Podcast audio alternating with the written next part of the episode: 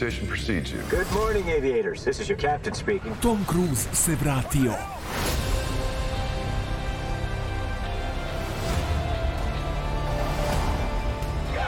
Top Gun Maverick u bioskopima od 25. maja. Tu, tu, tu, tu, tu. Tam, tam, ne mogu da nas tuže zašto smo platili za ovu muziku. Ćao svima, dobro nam došli u Lab 76, izdanje broj 209. Dobro veče i dobrodošli izdanje posvećeno Formuli 1 i kao što smo rekli, pa i vaterpolisti, ali to vredi. Uplavimo smo bojama iz bazena, sveže izašli. Uf, Uf, bilo je napeto. stigo sam. Bilo je napeto, ja sam već rekao, Valja, kreći pa ćemo da fejkujemo, ima Stigo da improvizujemo. Ko, kolega Rađin je bio i vozač i sve, tako da... O, dakle, ozbiljna sve situacija je stigli, krajnje. tako je, tako A da, da, ali lepo te videti, Pajo. Hvala, hvala takođe. I e, lepo je družiti se s tobom, ali ljudi, pre nego što krenemo sa celom akcijom, prvo da kažem, vodite računa i vozite računa jednim drugima. A to je za mene, hvala vam, dragi A, da. kolega. A, stiže mi Darth Vader, stiže kafa, stiže Lab 76, stiže, A, stiže da. čaj, nema šta Sve, nema ovde. sve. Večeras hidratacija je spremna, sve je u znaku Lab 76. Šta želim da vam kažem? Želim da vam kažem da se nadam da ste dobro i želim da vam kažem da ćemo danas da veličamo jednog majstora svog zanata zvanog Andrej Isaković. Zašto? Zato što naš dragi kolega, prijatelj, stigao je danas, ja mislim, ili sinoć, ne, nisam tačno siguran, i čovjek je najbolji fotograf sveta što se mene tiče, kaže, ma ne, čekaj, šta pričaš, nije. Pogledajte tamo, Halo efekt ili ti efekat Oreola. Nisam, ispred, po, nisam ispred Andreja Dura i tako dalje. E, Na prvoj poziciji piše Andrej Isaković. Kaže, ma nisam najbolji na svetu čoveče, to što si imao najbolju fotografiju jedne godine ne znači da si najbolji na svetu. Ne, Andrej. To što si imao najbolju fotografiju na svetu znači da si bio najbolji na Evo ga, svetu. evo ga, bravo, dakle, Andrej. po mišljenju Association International Press Sportif. To je kad uđeš jedan u ovaj studio, postaješ najbolji na Da svetu. nema. Tako je, pa je. A nema Pa šta. to je to. Nema šta. Ali, Zato je Aleksandar došao večeras. Tako je, Hoće da Aleksandra, na dobrodošla. Andri Saković, evo ga, pobednik, fotografska, sportska akcija, efekat Oreola, Srbija, AFP i dami i gospodo, čuvena fotografija, ja zaista ne znam šta da drugo da kažem nego ono čuvena fotografija govori više od hiljadu reči, što ne znači da ja neću izgovoriti hiljadu reči u hvaljenju gospodina Isakovića, a Pogledajte ovaj trenutak, prošle godine velika nagrada Italije, Monca, točak Red Bulla, bolida koju im je upravljao Max Verstappen na glavi Luisa Hamiltona, trenutak neverovatan sportske istorije, glava pognuta, Oreol radi svoje čuveni Halo efekat i Andrej više nego zasluženo, apsolutna pobeda I nema, nema šta drugo da se doda. Najbolji si bio na svetu, ako ovo slušaš, nadam se da ti nije neprijatno, jer ako ti nećeš da se hvališ, Ima ko hoće. Ima ko da. hoće. A čisto da znate koliko je to legitimno, molim vas, ko je član, ko je drug član, drugovi članovi AIPS-a, tako da, Andrej, mi plaćamo članarinu i taj događaj koji se tamo događao. tako da, Članska karta. članska karta je tu, ali... Specijalne boje. specijalne boje, ali ljudi, ovo je međunarodno udruženje sportskih novinara i mi smo članovi već ne znam koliko dugo. Pa ja od, od kad radim nekih Tamo 6-7 godina. 6, 60, no, da, dobro. Da, zar ti nisi kao maloletno lice bio počasni član tamo 94. O tome ti. To ti kažem, to ti kažem.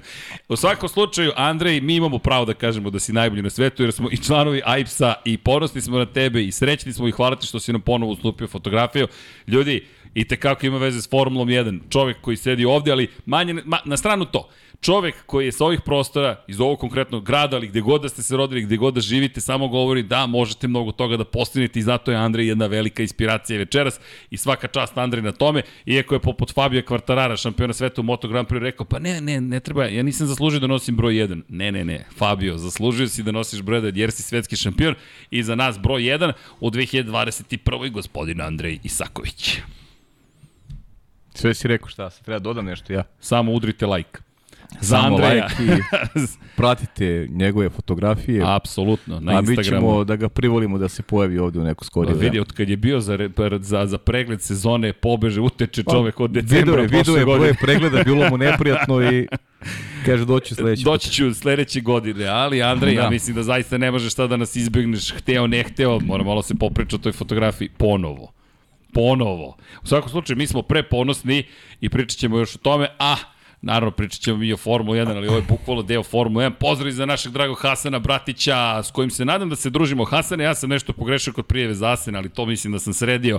Nadam se sledeće nedelje, znaš da bi Asen trebalo da bude mesto gde ćemo najzad. Da, rekao si mi to, da, to mi Da je... budemo ovaj, zajedno. Da. Ako to bude Super, baš. tek ludi podcast, Držim figije, Hasani, da, da sve da prođe doživiš kako nešto treba. što ja još nisam. Ali, ti, Red Bull Ring. Dobro, ali o tom To ćemo da lobiramo za Red Polako. Bull Ring, da, da, Polako, nešto da je avgust. Danas kolega sa jedne televizije, ajde, da ne imenujem čoveka, nije, nije, nije mi dao dozvolu, ali rekao, čudno je odzvanjala kabina u Barceloni. Jeste, čudno je odzvanjala zato što samo što nisu ušli manje više u kabinu koliko su se trkali, jer zvuk tako prostire se kroz kabine u Barceloni da ne može nijedna izolacija, ne postoji. On me pita, pa ka, zar niste mogli da sredite? Rekao, kako da sredim, ne razumem, da im kažem da utišaju motore. On kaže, ne razumem, zvuk probija. Rekao, zvuk probija. A da. to je između ostalog savremeni Moto Grand Prix. Nekad je Formula 1 tako uništavala opremu, ali ok, neko drugo vreme. No, pričat ćemo mi o Formula 1, bez obzira na zvuk, ne zvuk i dalje je to Formula 1, ali pre nego što krenem, drugari, Ko gleda, a nije subscriber, udrite subscribe, jer nama to i tekako pomaže, znači i tako dalje. Like uvek dobro dođe. Ja sam postao glavni YouTube, uh, onaj što moli za lajkovi je subscriber, ali nije to, to je molba. Dakle, da ne molimo, nego prosto ljudi, treba nam podrška, zašto? Pa, što više porastemo, više ćemo zabavnih stvari da radimo. Danas smo imali jedan lep sastanak, pa se nadam da će drugi deo godine da bude još interesantniji. Knjige su naravno tu, shop.infinity lighthouse, Rossi, Kimi, Sena, Ili može, Schumacher. može jedna, dig, jedna digresija. Može i dve. Andri se oglasio. Šta kaže? Zahvaljujem se, kaže da vodi biblioteku. ok, Andrej, mi imamo četiri knjige, šta ti nudiš sa druge strane? Andri, ja za biblioteku uvek spreman. U, počasni urednik Infinity Lighthouse. Da. da, nedostaje nam drugi urednik, ali večeras, večeras će nam se Šta je igra, pridružiti. igra Liverpool, šta se dešava? A, nemam pojma, Nemačka valjda igra. Aha, nešto. Ne, ne znam, ne znam Neko ko igra, igra, da, neko igra, neko neš, neka igra se igra. Ali doći će nam malo kasnije gospodin Filip Jenić, iako još A, nije super, završio, super. dve ocene još ima da završi, ali gospodin koji vozi u Formuli 4 šampanskog šampionata, malo kasnije će doći do nas, kaže, uf, moram, uh, morao sam da učim do, do, do kasnije, vidi, pola deset čovjek i dalje za knjigom, tako i treba, ali za pravom knjigom. Tako da čekamo Super, ga super, da dođe. da, okej. Čisto prokomentarišemo, ali mi, mi ćemo se sada baviti malo više Formulom 1. Imamo o čemu da pričamo, Pajo, nisi, nisi bio tu, radio si Waterpolo, pa bez konsultacija smo stavili naslov Red Bull pobedio kod Ferrarija ništa novo. Ne znam da li se slažeš sa time ili ne. Pa, Da, okej, mislim, ja ne, ne sumnjam u ove uredničke naslove. Šalim, mislim, vidi. stvarno, okej, kod ništa novo, da. Bukvalno ništa novo, nažalost. Kada pogledamo prethodnu dekadu, šta im se sve dešavalo, mislim da, lepo si rekao u jednom momentu u prenosu da Charles Leclerc polako ulazi onako u kožu Fernanda Alonso, Sebastina Fetela i jako dobro zna kakav je to osjećaj. I može samo da ga boli. Pritom, on momak, evo ja, ja, ja sam iskren potpuno u onome što, što sam pričao i pre početka, ma- malo sam bio skeptičan po pitanju e, njegovih relacija sa Maxom Verstappenom, jer, jer ja sam tu dao prednost. Ja sam gledao vozače isključio vozač, ja sam Maxu dao prednost u odnosu na Leclera i negde sam uh, verovanja da, da u nekoj utakmici na duže staze da, da Lecler ne može da nadigra Maxa Verstappena. To je neki moj sud na osnovu njih dvojca, ali uh, kad analiziraš sve što se dogodilo ovih osam trka, Lecler sa jednom greškom ima toliko bodova sada manje, a imao je materijala u rukama da Ajde, samo, samo da je tim uradio posao kako treba i da nije bilo tih tehničkih problema, ovaj, drugačije bismo pričali u šampionatu. Jer nije Leclerc kriv što se nalazi u poziciji gde se, gde se sad nalazi. Kriv je Ferrari. Nema, ne, nema, krivce, nema krivce u Charles Leclercu. Ima krivce u drugom vozaču koji nije na nivou. Ali Charles Leclerc sa tom greškom u Imoli to je jedino, jedino što je on pogrešno radio u ovih osam nedelja. Kad sabereš sve zajedno.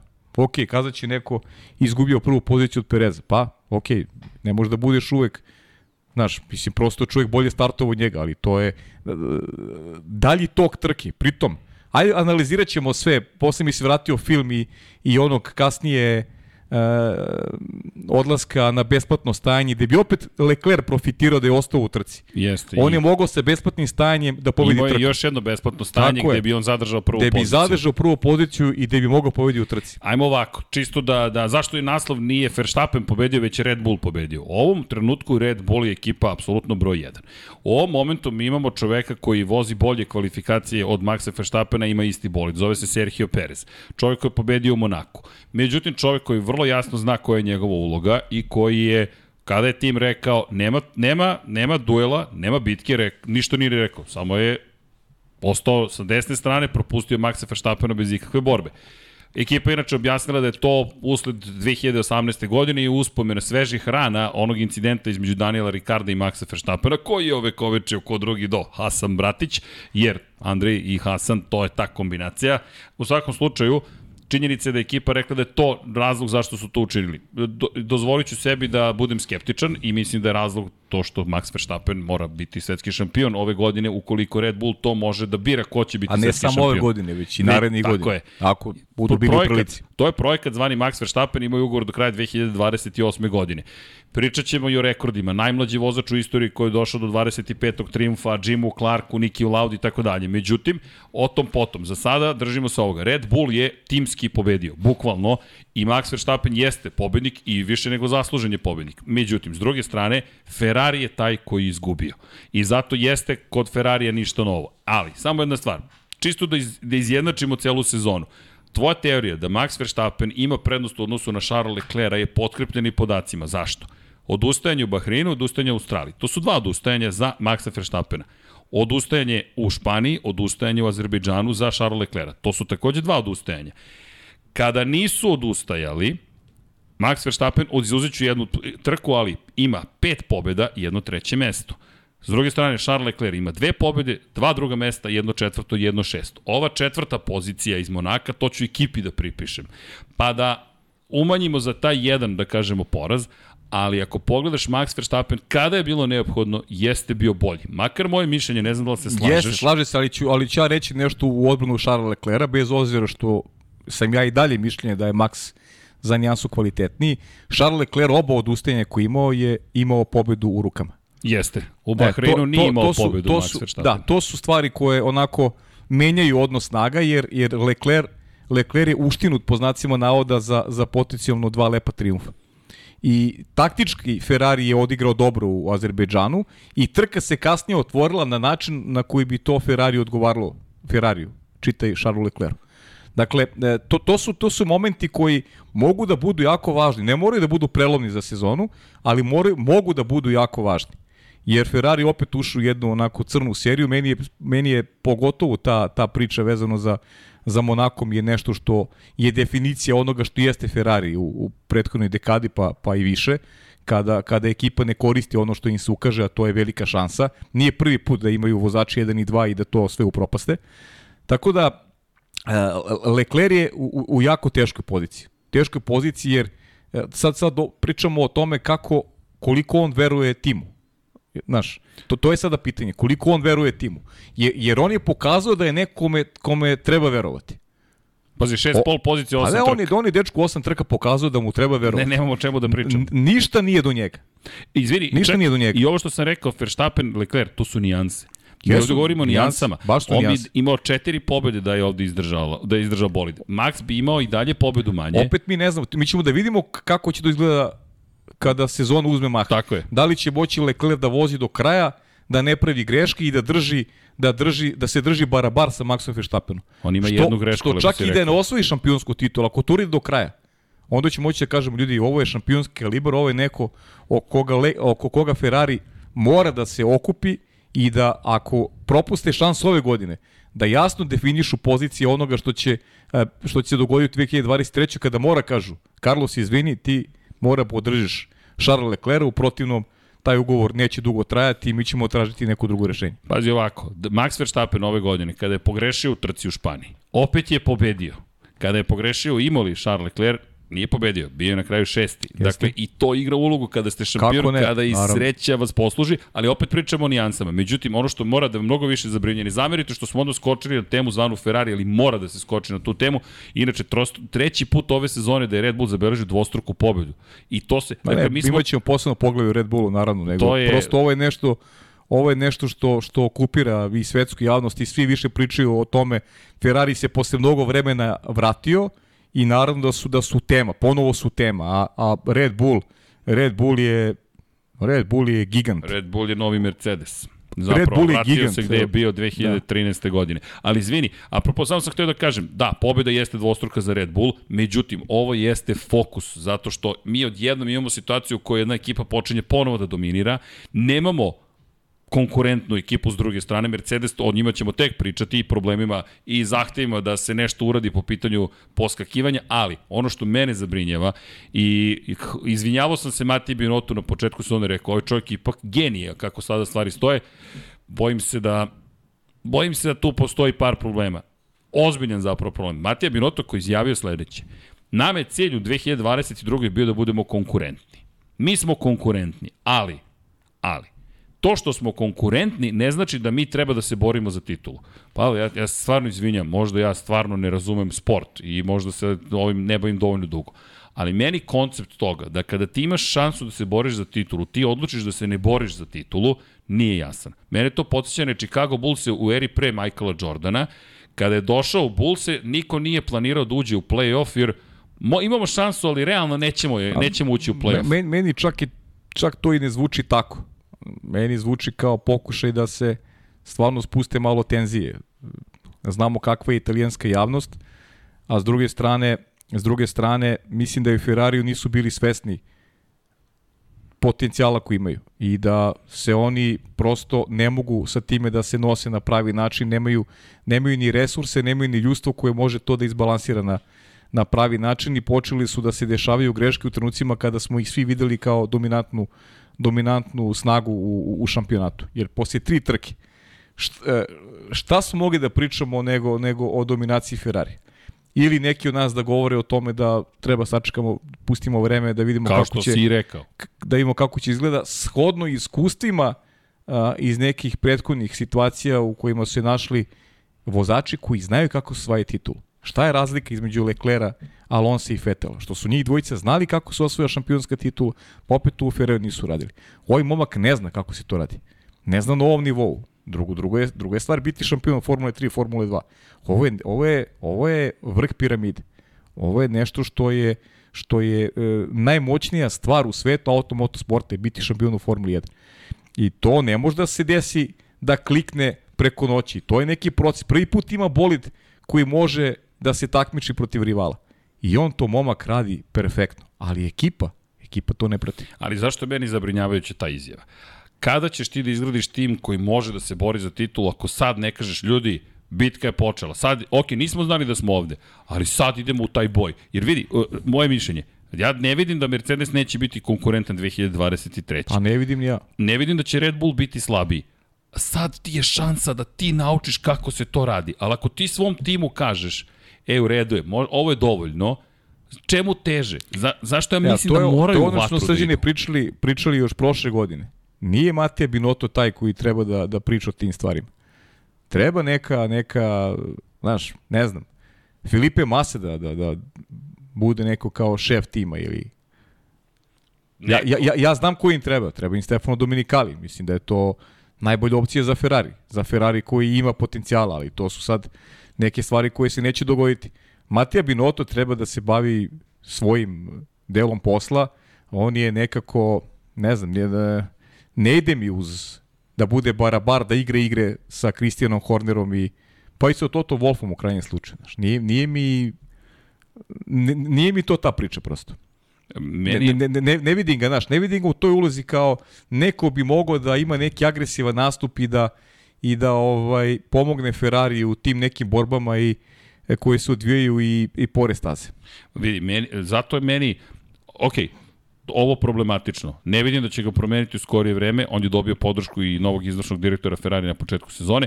Tehnički gledano radili su prilično dobar posao. Da, postoje tu problemi sa pouzdanošću. Inače, odložili su uvođenje novog sistema, ERS sistema. Dakle, Energy Recovery sistem neće sistem za oporavak zapravo energije neće biti korišćen novi pošto su sada postali nepouzdani i od kada su uveli verziju 2 motora sa unutrašnjim sagorevanjem stvari su postale krajnje problematične. Inače Carlos Sainz je na već trećem turbo punjaču. Dakle, uskoro će početi i kazne.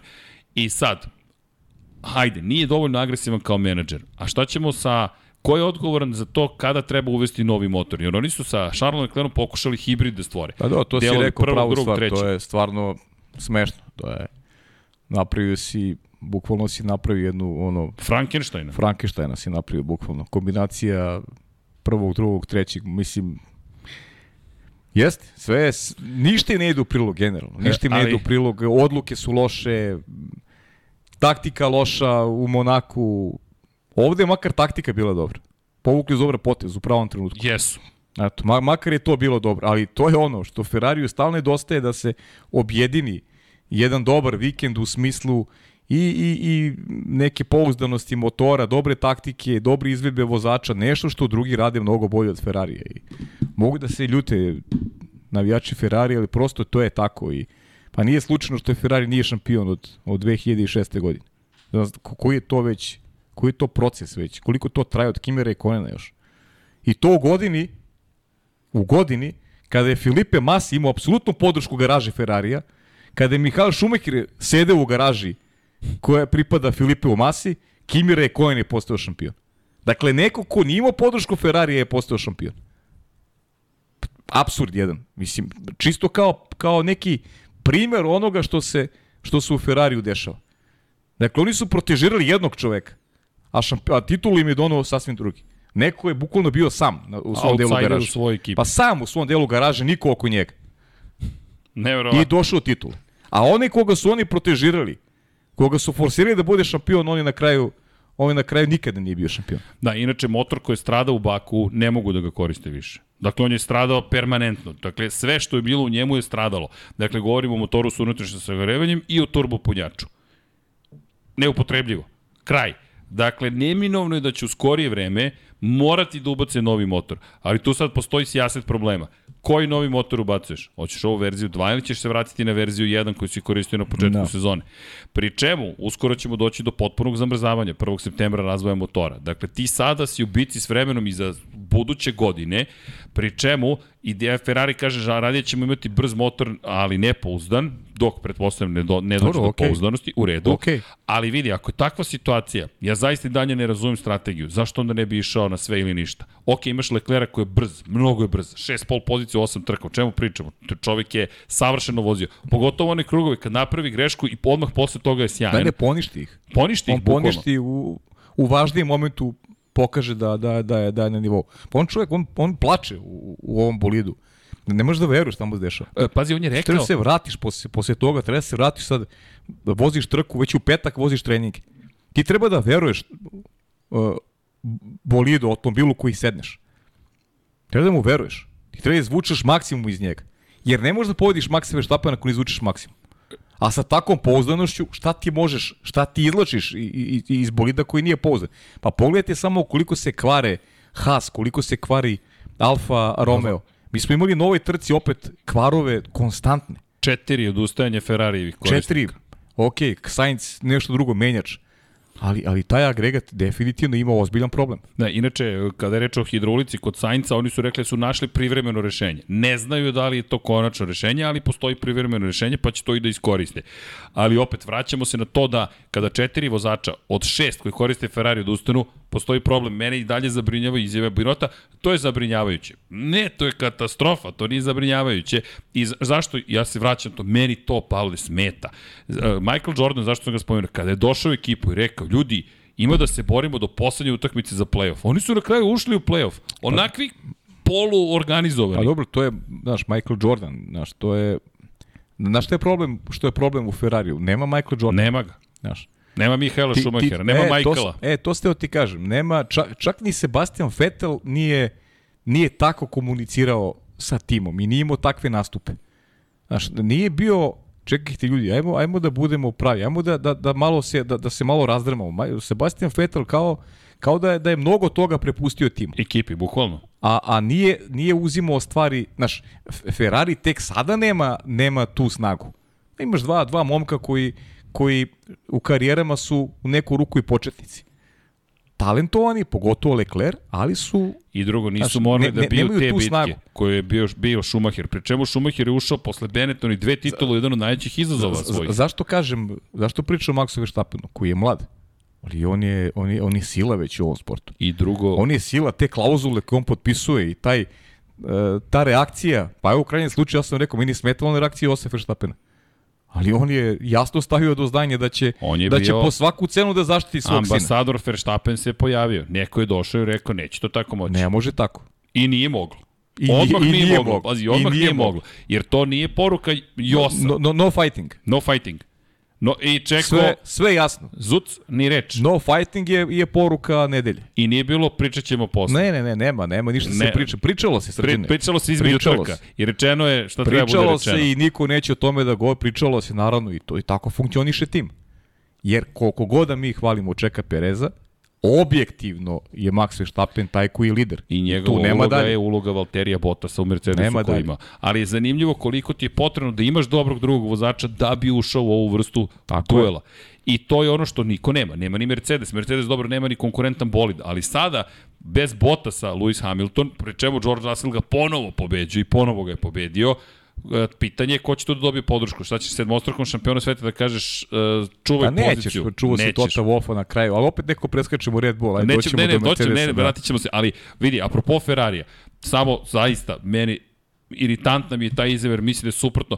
Kako to, šta to znači smanjit ćemo pritisak? Ali neće ti Red Bull smanjiti pritisak, Mercedes ti neće smanjiti Da, mora pritisak. budeš agresivan, mora pokažeš moraš, zube. moraš i moraš da kažeš, a tu sada dolazimo na Leclera, Ali mislim da to Binotto nije. Nije Opet Binotto. karakter Leclera, nije Sad- ni karakter Sainca, nije ni Sainz. nije ni Sainz. Nije niko od njih. Nema, a ne, daš, Lecler to- jedinu šansu ima da dođe i da kaže, ej, ovako ne može. A ja ti vidiš da će on doći Pa i reći vidim, ne može. a pa to je ono što pričamo, ne vidim, znaš, to je, znaš, Lider. sudar nekih, da kažem, karaktera koji su, koji su onako prilično... Ti, ti čak vidiš po Carlosu Sainzu da on najviše pruža otpor. Pa, on je najborbeniji. Ali, ali najmanje ima razloga za to. On, on, nema, on nema u rukama Čekaj. neke objektivne kvalitete i da kaže ja, ja sam taj. Ne može on da, da okupi ekipu. Jer on nema, ne, on nema tog dara. Nema brzinu. Nema tog dara. On, Nema. on, on zaostaje po krugu u 4 desetinke, pola sekunde. On u startu trke, on, on ne može da vidi. Pa on ih ne vidi. O, pa ne, on, on, on, on, više. konstatuje u radiokomunikaciji Red Bull je mnogo Ali brz. su brzi. Ali su brzi. Ali nisu, ali nisu Carlos brzi samo oni, nego je brzi tvoj timski kolega. Tako je, koji između njih on, on dvojice. prati njih, on prati taj tempo. On to prati, ti to ne pratiš. Znaš, nije, Nije samo rekao, Red Bull brz. što je brz Charles. Da, nije rekao brz je šal, nego Red Bull je brz. Ali na taj način si stavio do znanja da, da je tvoj timski kolega brz. Apsolutno. Je, vrlo, je do, vrlo je jasno. Pri čemu, koliko puta se ljudi upoznu u životu koji nemaju nužno argumente u svojim rukama, ali imaju stav. I ti gledaš, da li je moguće da će da ide na ta vrata samo sa stavom? Hoće. Neki put prođe, neki Jeste. put ne prođe. Ali stav što može da vam donese napredak, možete kako, ima stav, ali nema druge, druge argumente. Tako da, nažalost, Ferrari m, zaista mi deluje problematično. Ne vidim kod njih vođu koji će da kaže, ej ljudi, ovo mora drugačije da Slažem se se radi. s tobom, to, Pri- to je nešto pričamo ti ja konstantno i Ali sada se baš možda vidi. se ma eksplicitniji, zato što Više sam verovao u njih, moram ti znam da priznati. jesi, Nije, pa više zato i kažem, verovao. jesi, jesi, ti si neko. Pod... Zaista sam I- verovao I, i, njih. suštinski si ti pogodio da, da će Ferrari da bude dobar. Mislim, ti si najviše verovao i pogodio si, neg, negde suština jeste da su oni da su oni neočekivano dobri. Da, ali tehnički. Ali, naš ekipa sve to ne uspeva da prati na pravi način i Leclerc kao momak koji, ja moram priznam, je, je mene oduševio, negde iznenadio sa svojom stabilnošću i svim onim što pruža od početka sezone, nema adekvatnu podršku i mnogo mi je žao zbog toga. Žao mi je, žao mi je zato što vidim nešto što ne želim da vidim. Ja to ne želim da vidim. Ja, ja želim da, da ja želim da, danas sam sreo kolegu koji je onako veliki ljubitelj i čak je one što smo dobili ove one e, Časopise. časopise, da. Možemo da ih pokažemo, Tu da. su negde, čekaj sad samo da ih nađem. Gde Da, pet, od su? Petra Maričića, one časopisi iz tamo neke Speedmaster, 2002. Formula 3. 1 godine. review. I momak koji prati, koji prati baš dugo Možda Formulu tamo u 1. prodaji, ko zna. I upravo na to smo, o tome smo pričali. Znaš, da li, da li je ovo uvod u nešto što ne želimo niko nas da gleda? Dominacija. Pa, ajde ne, da, da ne zovemo to dominacije, nego, nego da uđemo u šampionat koji, koji nema, nema tu, tu vrstu borbe. Znaš, nemaš dva tima i dva vozača iz različitih timova koji se bore za šampionsku titulu. Da, To, to je... Vanja, to. Ma slobodno daj vamo, Vanja. Kao, kao tvoja ruka je da. Da. neprepoznatljiva, šta? Inače da, da. ima duh da ne bi morao da gasi klim. Jeste, da, ovo, ovo smo, ovo smo, u, Hvala, vodi računa ovo smo u nedelju dobili, ovo su časopisi iz 2003. četvrte. Petar, Da li- Petar Maričić je bio ovaj, neko ko je uređivao ovo. Revija Formule 1. Da. Blago, bukvalno. Jeste, baš, je- baš je super imati ovako nešto i hvala Petru na, Jeste. na, na Inače- ovim časopisima koji ćemo onako čuvati u našoj arhivi. A ovo su izdavali Duke and Peterson, tako se zvala izdavačka kuća, sad se zovu D DNP, DO skraćeno, ali Duke and Peterson oni izdaju travel magazin, inače ljudi koji su u turističkoj industriji, ali su toliko veliki ljubitelji Formule 1, Pa da. da su onda angažovali celu redakciju ljudi koja obožava i zna o Formuli 1 mnogo Pa pazi, i izdavali su godinama. Koliko je to kvalitetan papir i. E, Za sticam okolnosti znam zato što sam bio media planer u to vreme u jednoj marketinškoj agenciji i bio sam print media planer zadužen zapravo da planira de, da se oglašavaju oglašivači u štampanim medijima. Da, sjajno. I onda kao, šta će ti Formula 1 review u media planu? E, Koja je čitanost? Top je čitanost, nema ništa da brinete. Jeste. Mora se podrže ljudi. A ovo sam doneo sa puta, ovo treba da zalepimo na zid. Space Shuttle. Da, u sv- svakom slučaju, ono, ni- niko ne želi od nas da, da jedna, jednosmerna ulica postane ova sezona, ali Ali pa evo, znam da, da izbegavamo reč, izbegavaš makar reč dominacija, ali šta je ovo ako nije dominacija? Gde smo mi sa Red Bullom ako ovo nije dominacija? Pa znaš kako, ajde, kad, kad ono, bavimo se generalno analizom Azerbejdžana i pričali smo i tokom slobodnih treninga. Nije bilo lepo za videti koliko zaostaju timovi u odnosu na, na Red Bull i Ferrari. Kad vidiš Mercedes koji zaostaje po krugu za, za jednu sekundu, to je nešto što zaista onako nije, nije lepo. Prosto nije lepo, ajde, to je neki to najblaži izraz koji sam mogao sada da upotrebim Uh, Red Bull i Ferrari su ovde bili dominantni. Ferrari je odustao sa oba, sa oba bolida, Red Bull je odradio posao koji je morao i ono što je meni interesantno, to je srđana je bila ona komunikacija e, Red Bulla i, i Maxa Verstappena, da mu sugerišu da, da smanji tempo, da se seti kako izgubio trku prošle godine, što mu opet navelo na razmišljanje da, da je ovaj Max Verstappen možda i prošle godine mogao da bude malo fleksibilniji kada, kada pričamo o, o, o brzim krugovima, o tempu koji je, koji je tada forsirao. Ajde da se ne vraćamo na 2021.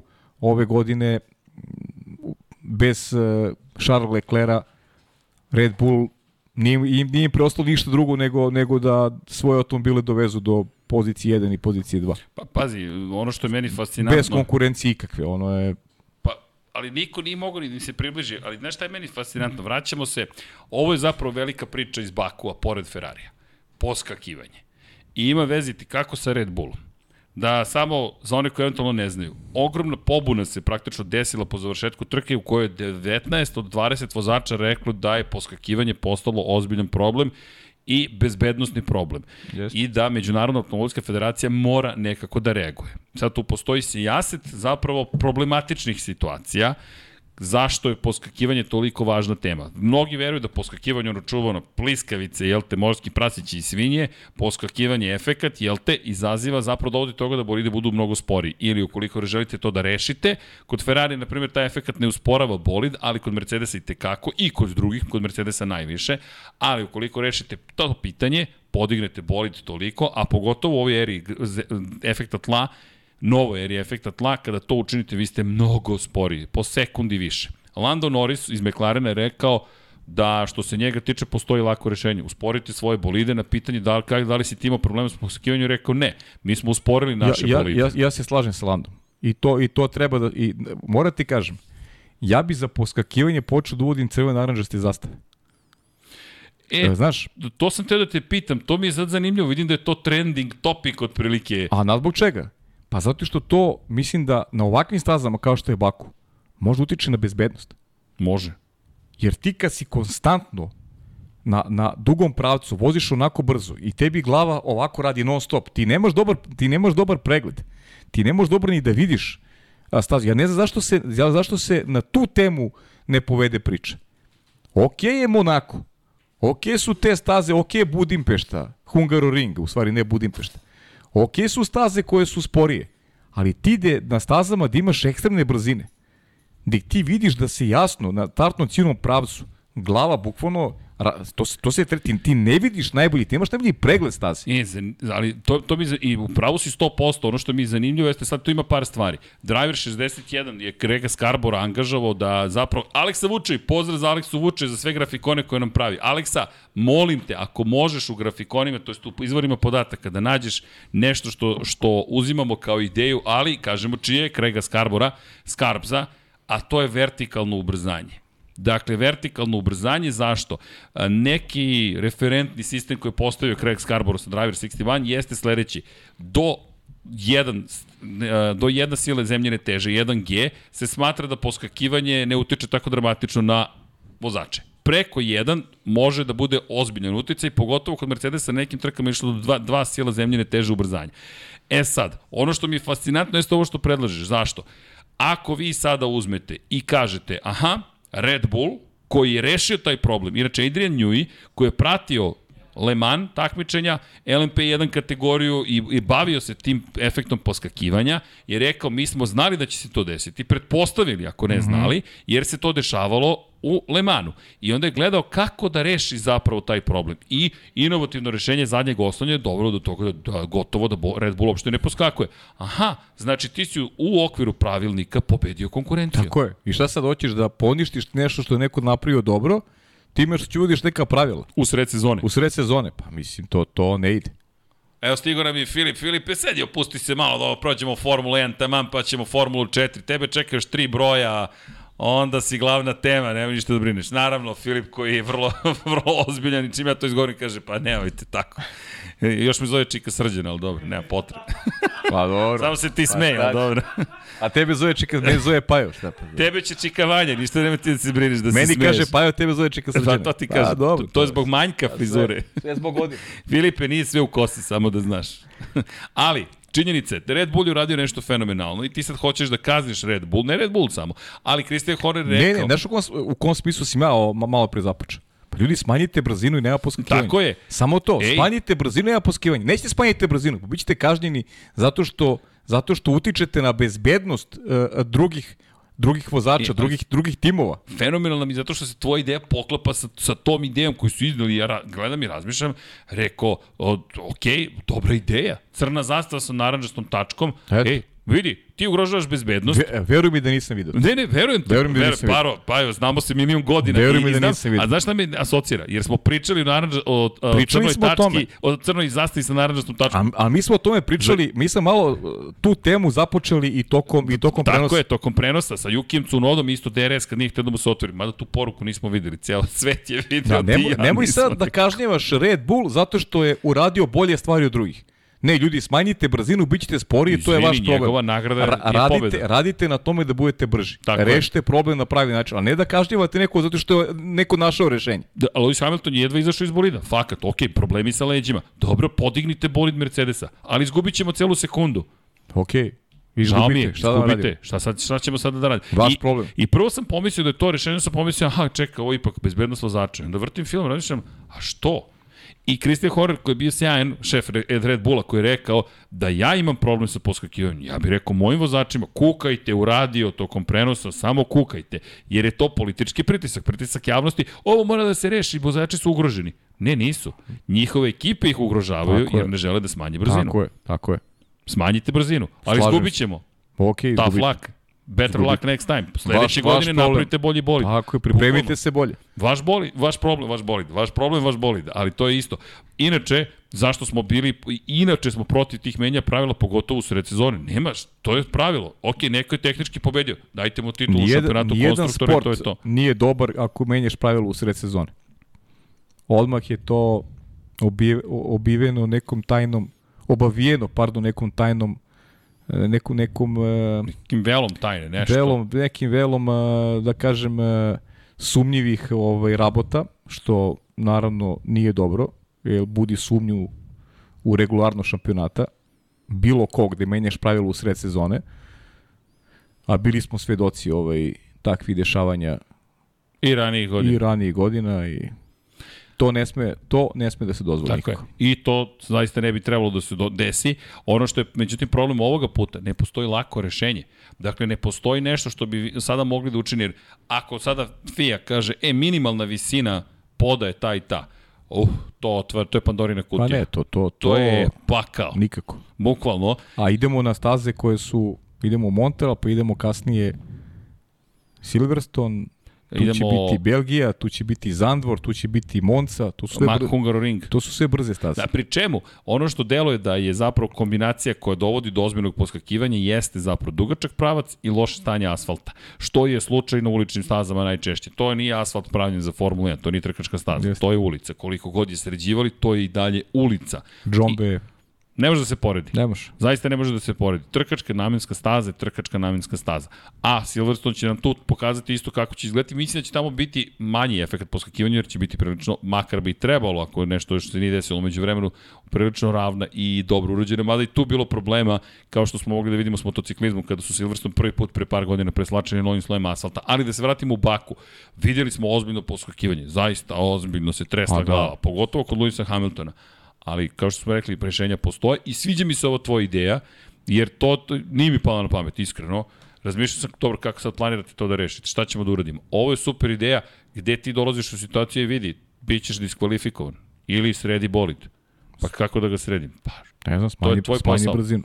To je tvoj posao Imali da ste problem. koliko dugo ste se pripremali za sezonu? Dosta dugo. Imali ste dovoljno vremena. Sezonu Nemoj više da- smo imali priprema. Pri, da, nemoj da kukate na to da je ugrožena bezbednost. Nije ugrožena bezbednost, zašto nije drugim ugrožena bezbednost? Niste uradili dobar posao. Smanjite brzinu, ok. Žao mi je, smanjite brzinu, bit ćete sporiji, pripremite se bolje za sledeću godinu i to je to. McLaren je izabrao taj put. Smanjio je brzinu, bukvalno. Kažem ti, potpisujem sve što je rekao Lando Norris. Sjajna izjava. Dobra A izjava. pritom ne idemo u prilog jer nema rezultata koje bi on volao da ima. Ali izjava sjajna. Krajnje je onako profesionalno pošteno. To je to. Meni se iskreno dopalo, jer je bio direktan i bio je vrlo precizan, a i u duhu mi je nekako sporta, generalno. Jeste, Šta će jeste. sad da radiš? Da kazniš jednu ekipu. Pri čemu Ferrari koji pa ima to je opet, meni poskakivanje, je a brzi. Da, Ferrari, Ferrari je brz, ali opet ti kažem, opet znaš, to, to poskakivanje meni je baš onako smetalo na, na startno ciljnom pravcu, jer ja stvarno imam utisak da oni nemaju dobar, dobar pregled onoga što, pogotovo u situaciji kad trebaš da obilaziš ili imaš, imaš ovaj više vozila na startnom ciljnom pravcu, ti nemaš dobar osjećaj, ne znam, to će najbolje Filip moći da nam, da nam priča kad se, pri, kad se uključi ovde, znaš, kad, kad ti onako bolid poskakuje, ti treba da vidiš lepo, da imaš pogled i ispred sebe i, i neki periferni da bude kako treba, a, a mučiš se u stvari da, da, da držiš glavu ovaj stabilnom kako bi mogao što bolje da vidiš pri velikim brzinama ispred sebe. To je stvarno jedan, jedan zahtevan proces.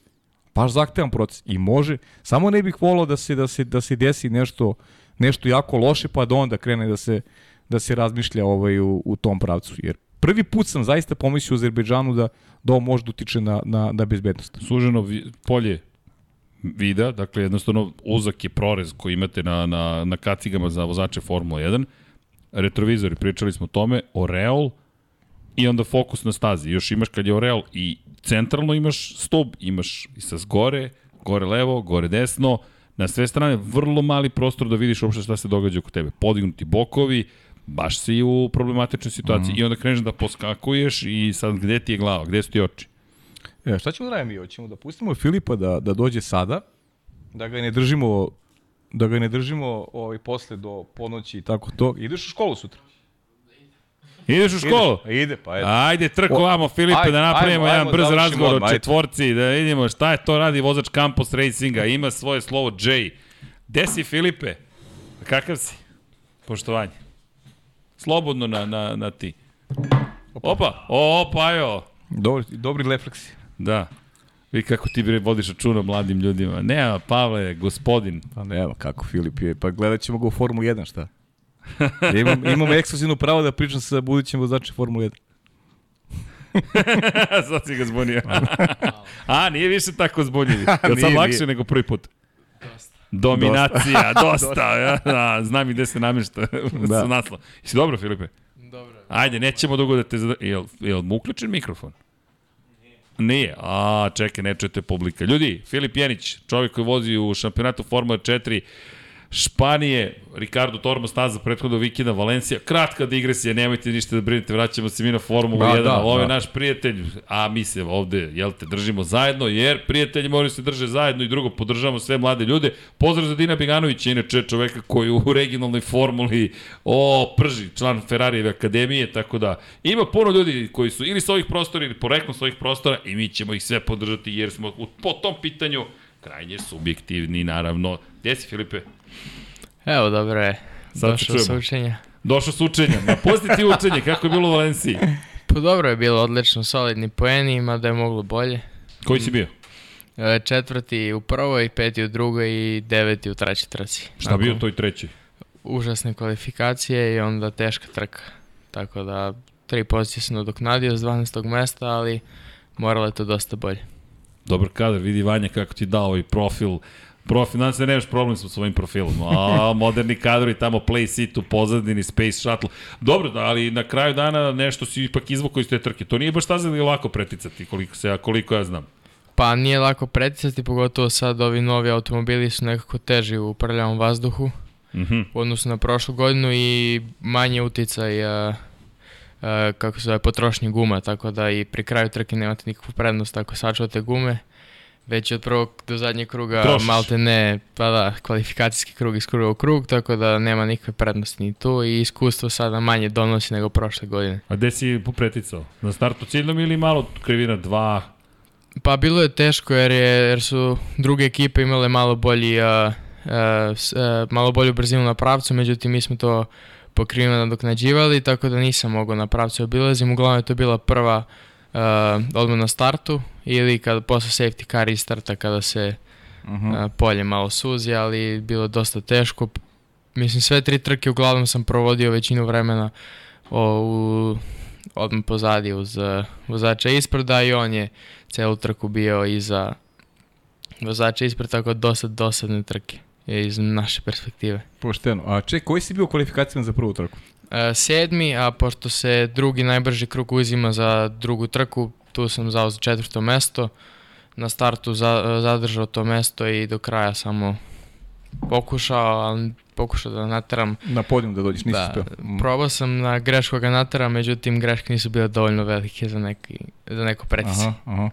Ono pritisak, da te vidi u Pa retrovizoru. jesam, pogotovo pokušao sam da, pokušao sam neko, neke metode da iskoristim prosto da Pa koje vidim. metode, ako smemo da čujemo? Teško da gleda Lab 76.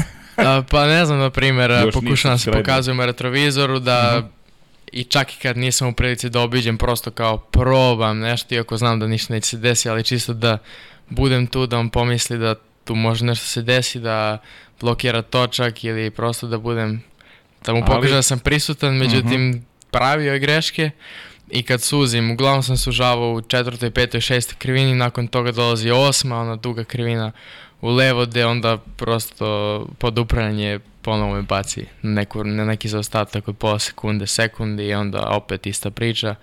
Natraš ga na grešku priđeš mu, onda ga izgubiš i tako E, a ti- 25 minuta. Znaš šta me zanima? Kako ti je, kako se osjećaš u tim momentima? Ili il, il si, il si miran u tim situacijama? Mlad si momak, ili si miran, imaš to strpljenje da sačekaš grešku do kraja i da kažeš, ok, ako ne iskoristiš, bit ću četvrti, uzet ću to četvrto mesto, ok mi je. Ili il, il osjetiš nervozu? E, pa osjetio sam možda malo nervoze u samom početku trke, pošto sam ga malo gubio. Fa, falio neki ritam možda u prve dve, u prva dva kruga. Kasnije, mislim, samo sam pokušao da se saberem da vidim da dođu gume na temperaturu i kasnije sam krenuo da ga stižem. I video sam dobio, na, dobio je i na pola trke opomenu za limite staze. Aha. Tako da mi je rečeno da još pokušam tako ga pritiskam, međutim ništa od kazne i završio sam četvrti, što je bilo sasvim u redu, uzeo sam solidne poene i U Fioci nije se desilo, ali dobro. Da. nadao sam se jer e, teško je pod tim pritiskom e, kada već započnete tako sa e, kršenjem limita u samom početku i dobiti u prvoj polovini kaznu, onda, e, opomenu, onda je dosta teško voziti brzo, čuvati mesto i ne praviti dalje greške, iako je on malo pravio, na kraju naša žalba nije uvažena. Mislim, nije nikakva žalba ni uložena jer smo bili kolege, ali ja sam bio malo nervozan na radiju na kraju trke. dobro, Sjajno. dobro, volio bih da imamo taj snimak. Da, sjajno. Od ovih treba. I treba, jesi pratio Formula 1? Mm, Pratili smo samo start prvih par krugova, onda smo krenuli na našu trku, tako da ispratio sam samo rezultat. To je mi kad smo se vratili sa trke vidio sam oba Ferrarija van trke i tu sam prosto nisam više taj da gledam. Sve je bilo jasno. Da, Sve je bilo jasno. Da, da pogađamo, naravno. Mada nije mi bilo jasno kad sam vidio zašto, kad su mi ispričali onda sam samo napustio. Mhm. Prenos. A ova druga tvoja trka je? Tu isto nisi, nisi ništa preticao nego peta pozicija. Da, da, u toj prvoj isto start je bio dobar. Imao sam tako, tu, tu mi je malo falo ritma sve do safety kara.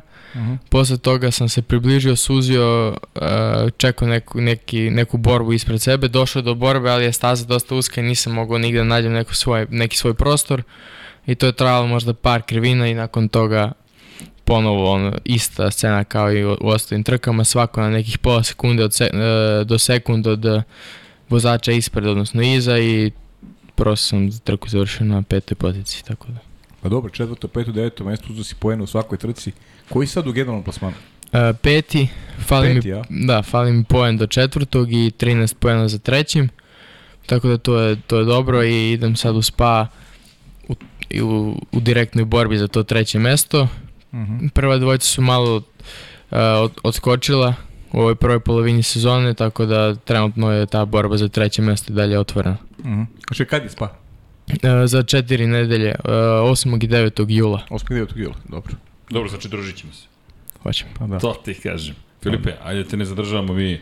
Znaš kako, mislim, mi Učenje. možemo pričamo s tobom, ali ovaj, Da. da ne bude sad da, da te ne zadržamo previše. Ili imaš nešto da nam kažeš što, što te nismo pitali, a, a, a, a značilo bi ti odande, ili imaš neku, neku, neku priču koja je interesantna koju bi rado podelio? Pa nažalost nemam, nisu bile neke zanimljive trke, ali nadam se posle spada ću da imam više priča. Da, dobro. Bitno da si ti zadovoljan. Da, znaš šta, uvek i kad se neke prilike ne ukažu koje želiš, bitno je da uzmeš to što, što možeš da uzmeš. To je nekako moj pogled jer, jer je važno da koristiš šanse koje se ukazuju. Znaš, to je, to je stvarno super. Četvrto, pet, deveto mesto, tri trke, sva, svaka u poenima, to je lepo. Evo je kao uteh, ali nije, veruj mi. Ne, ne, nije, stvarno. Veruj mi, nije. Znaš, uzmeš ono što možeš, to je, to je super.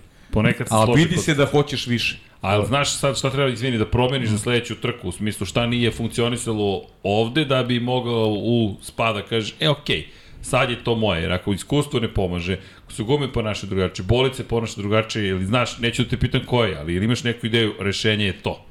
Pa otprilike imamo neku ideju i mi- trebalo bi da to možemo da rešimo, samo vidjet ćemo kako će to da ispadne. Dobro, dobro, ali čekamo, a pazi, i pre nego što odeš, što odeš za spa, malo da se druži, malo mi pokažeš trikove.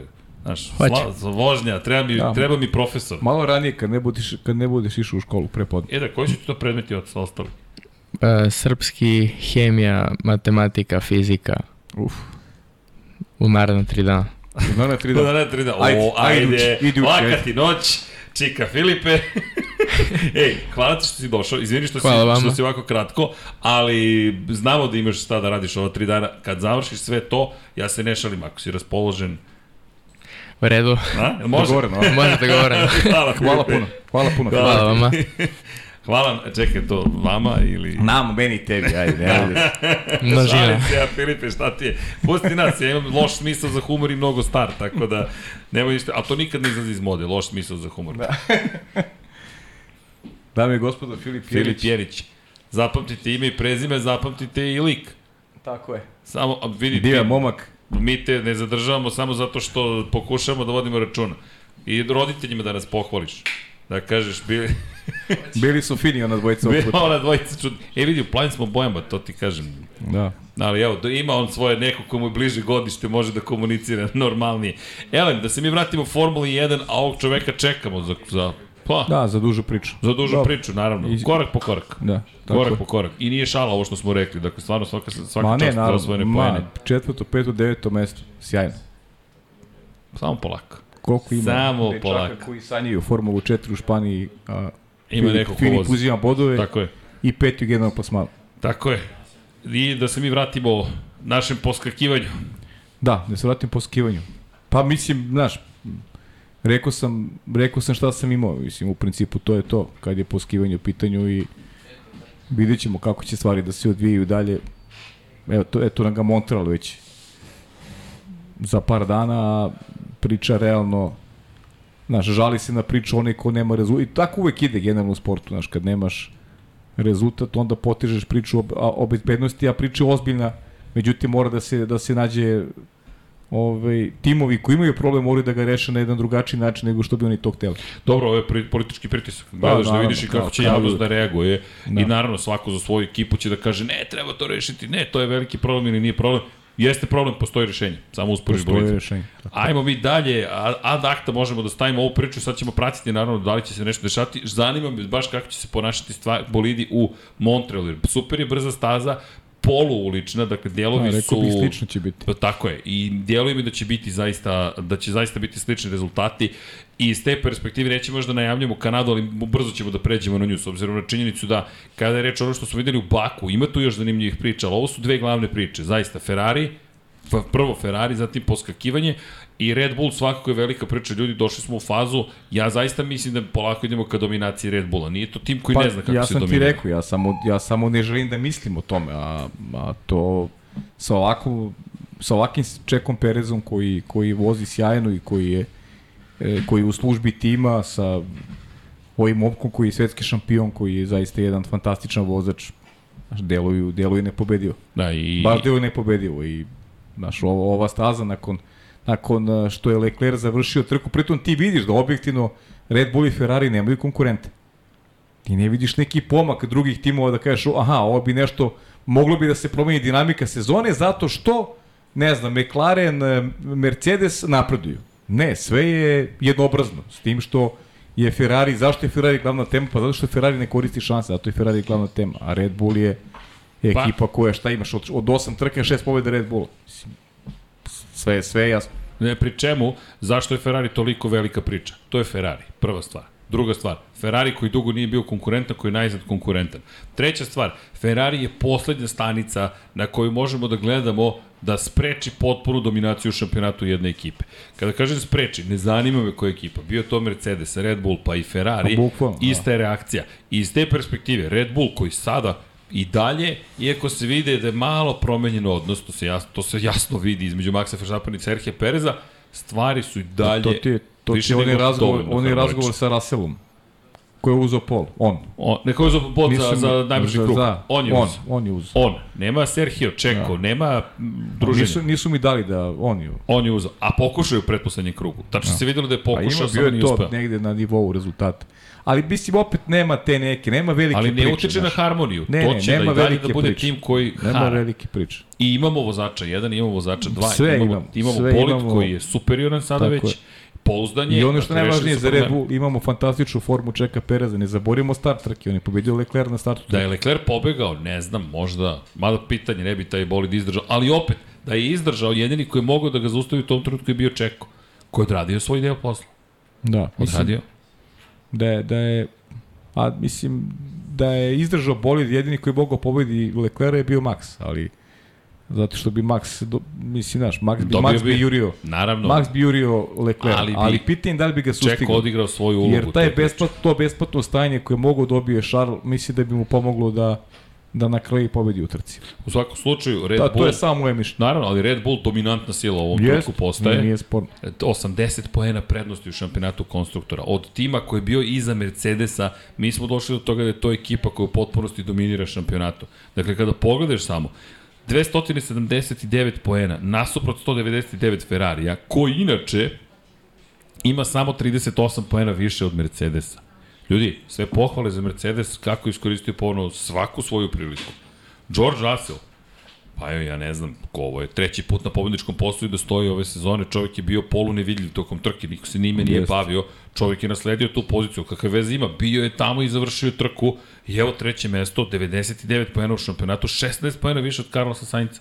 Jeste, jeste. I samo 17 manje od Charles Leclerc. Kako je krenuo, uskoro će biti na poziciji broj 3 u šampionatu vozača. Pa da, bo- odustajem dva Ferrari otvorile vrata nekom trećem da, da dođe na podijum. To je bio George Russell, rekao bih zasluženo, ishodno onome što se dešava u sezoni. Russell treći, imali smo možda pogrešnu strategiju, rekao bih, ekipe Alfa Taurija iz pozicije, iz pozicije Pjera Gasli, ali opet ne znam, kažem, s kakvim gumama su raspolagali, oni su se opredelili za jedno stajanje. Gasli je na kraju morao da završi iza Luisa Hamiltona, bio je peti. Ne znam šta je bilo da su imali drugačiju strategiju, ali opet je ovo najbolji rezultat Pjera Gasli i jedan dobar vikend za njega, ajde da pričali smo o Mercedesu, Lewis Hamilton ide I čuvene fotografije sa Helmutom Markom sedi i diskutuju nešto, vadi neke papire doktor Helmut Marko i dolazi Sergio Perez u tom trenutku, ne znam da si vidio te fotke. Ne mogu se. Da, da, kaže. fotografije posle trke, e, zabavan razgovor između e, zvaničnog konsultanta Red Bulla i Pjera Gaslija, jedno se pavlja Sergio Perez. O čemu li diskutuju, baš me zanima, ali ok, to je sad neka druga priča, ali Pjer Gasli, zaista kada pričamo o Pjeru Gasli, pa i Alfa Tauri generalno. Pa dobro, kažem ti, eto, Znaš. eto trka sa, sa, jednim, sa jednim stajanjem, to je bila percepcija. Videlo se da, da će izgubiti bitku sa, sa Lewisom Hamiltonom, da ne mogu te gume da, da pruže otpor uh, sedmostrukom šampionu, tako da Mercedes treće, četvrto mesto, to je sve onako ok za njih, prosto bolje ne mogu u ovom trenutku, a s druge strane i Gasly i Alfa Tauri mogu da budu zadovoljni. Konačno vidimo malo agresivnijeg Pjera Gaslija i fokusiranijeg, jedna, jedna vrlo korektna, ne samo trka, nego kompletan vikend je bio dobar.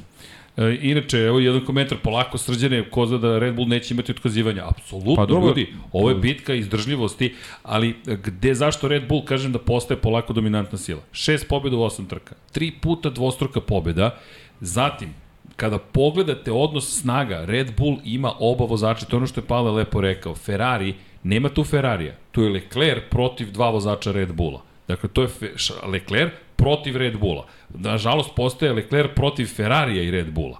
Dakle, to su sve stvari koje mora da savlada da bi uspeo.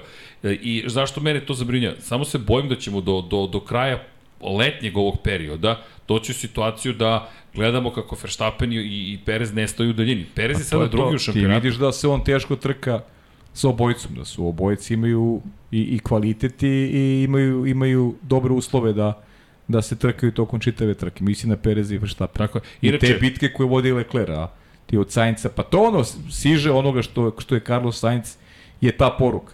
Možda nesvesna sa njegove strane da je na taj način počastvo, po, počastio i svog timskog kolegu.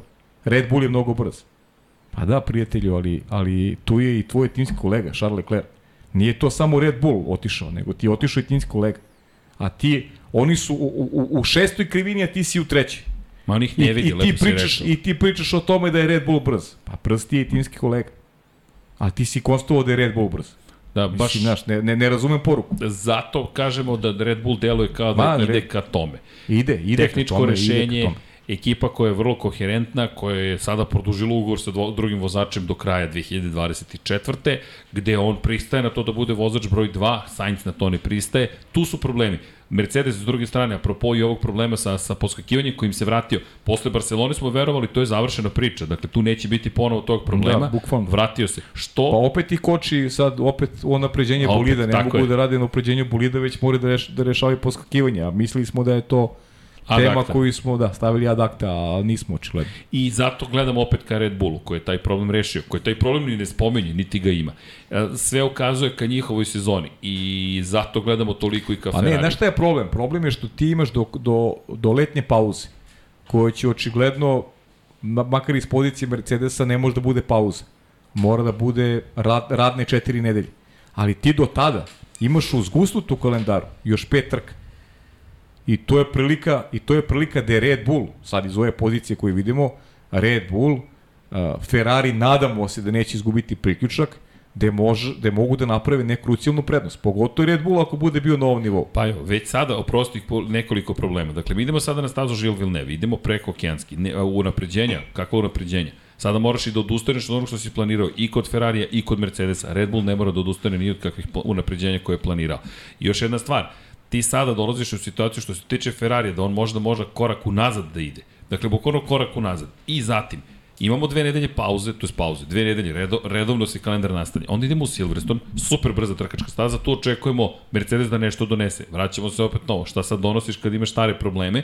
Zatim, sedam dana kasnije, velika nagrada Austrije, Red Bull Ring, gde očekujemo da se pojavi opet 50, 70, 100 hiljada holandjana i da to de facto bude ponovo dvostruka domaća staza zapravo za Maxa Verstappena i za Red Bull.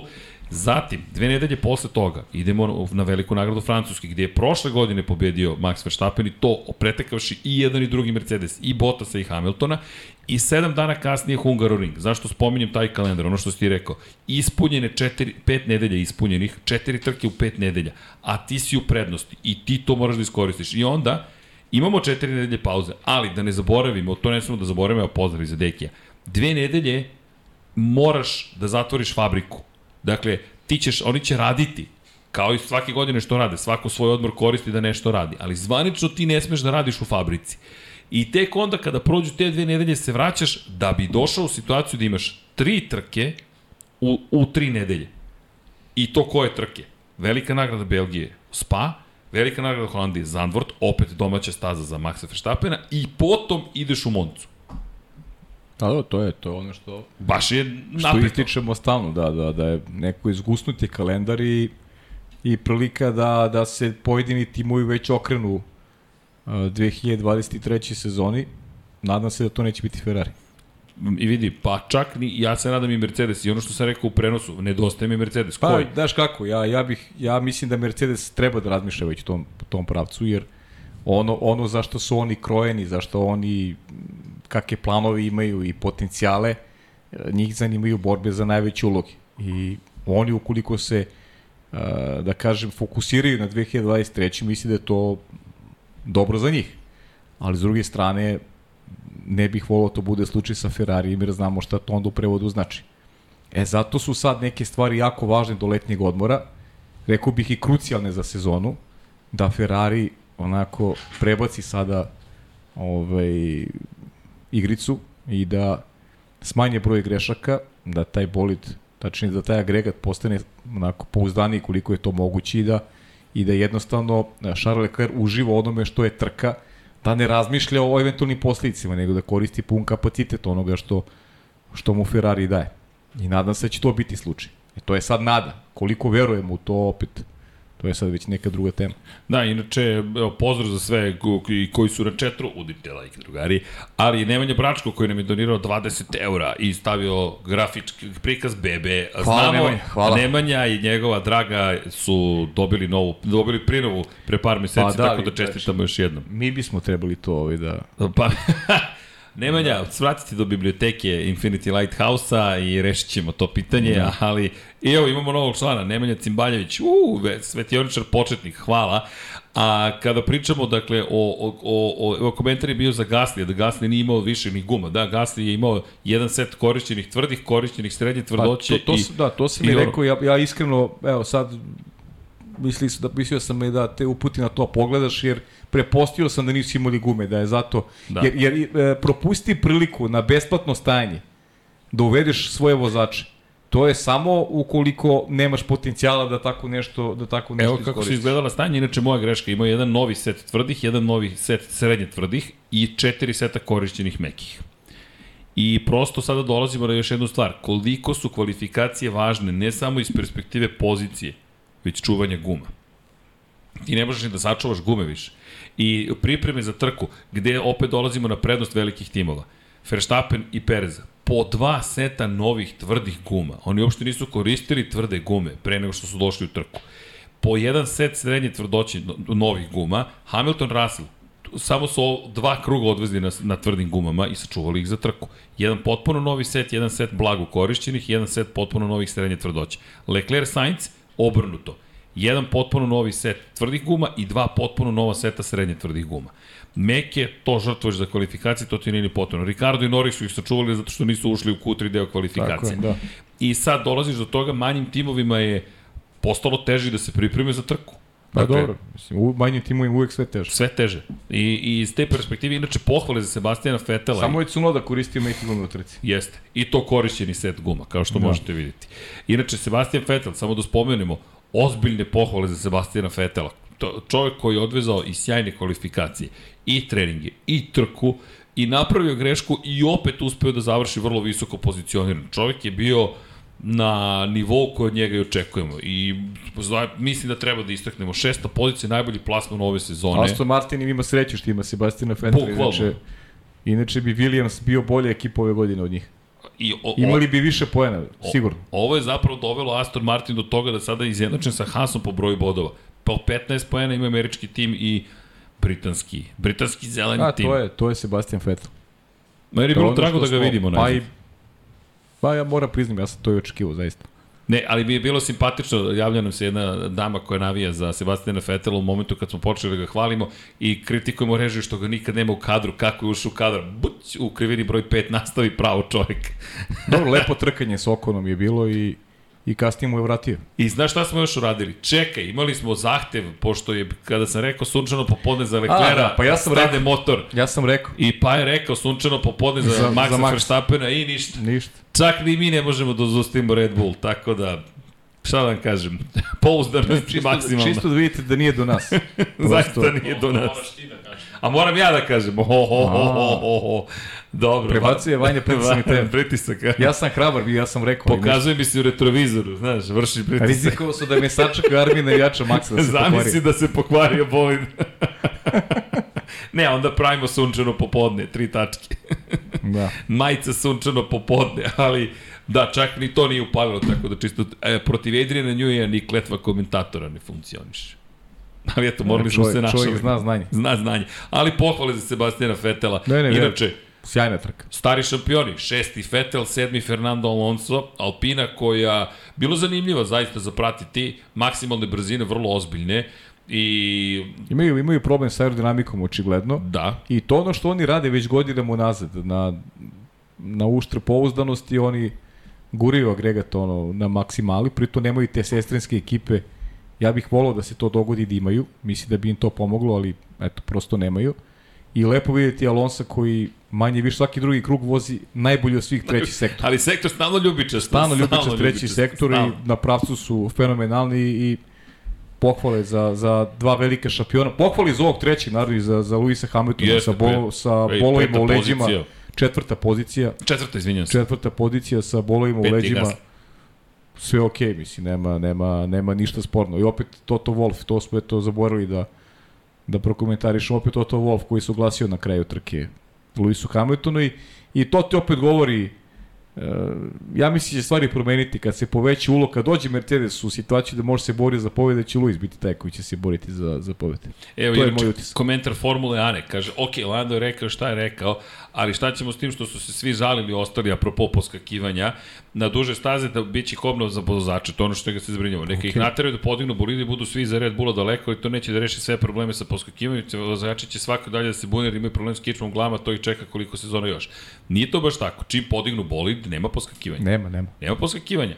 Nema poskakivanja, ali ste sekund spori po krugu. Ko se nije žalio? Ko se nije žalio? Jedan od... Pa niko se ne, pa ne, ne, pa mislim, 1920 1920. Ne, ne, Lando Norris je rekao da su oni to rešili, kao, rekao je da, to jeste problem. Fernando Alonso isto rekao da, što se njega tiče, tu ne, ali to je sad, to je sad timske igre. McLaren bi sigurno bio brži da spusti bolid. I evo, McLaren vam je čist dokaz da kada podignete bolid nema poskakivanja. Oni su smanjili poskakivanje na minimum, podigli su bolid, ali su žrtvovali brzinu. Prosto su žrtvovali brzinu. Ono što je tu sada pitanje jeste, ja ne mislim da ih čeka još mnogo sezona, oni bolide mogu da, rad, da proizvedu na drugačiji način. Sada se priča o vraćanju inertera u, u oslanjanje, ali pitanje je da li će to da reši problem. I slaže se, problem postoji, ali Red Bull nema taj problem. Bukvalno ga nema. To znači da je moguće napraviti rešenje. tako je. I da je to sada na timovima da nađu rešenje.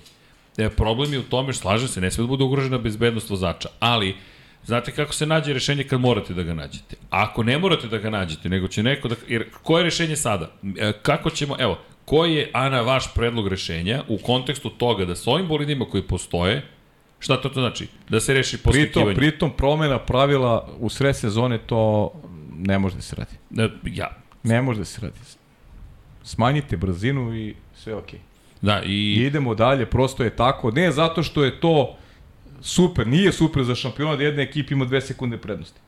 Ali ne možemo da, da, da uzmemo nekome koji je dobro radio posao, da mu uzmemo iz ruke ono što je napravio. Kako god da se ta ekipa zove. Prosto to nije pošteno. Pa, ima to to, je to. I ima jedan dodatni problem u celoj priči. Iako se svi žale, kada se pogleda vertikalno ubrzanje, najveći problem u Azerbejdžanu imala ekipa Mercedesa. Dramatično se izdvajao Mercedes u odnosu na sve ostale timove po pitanju tog problema.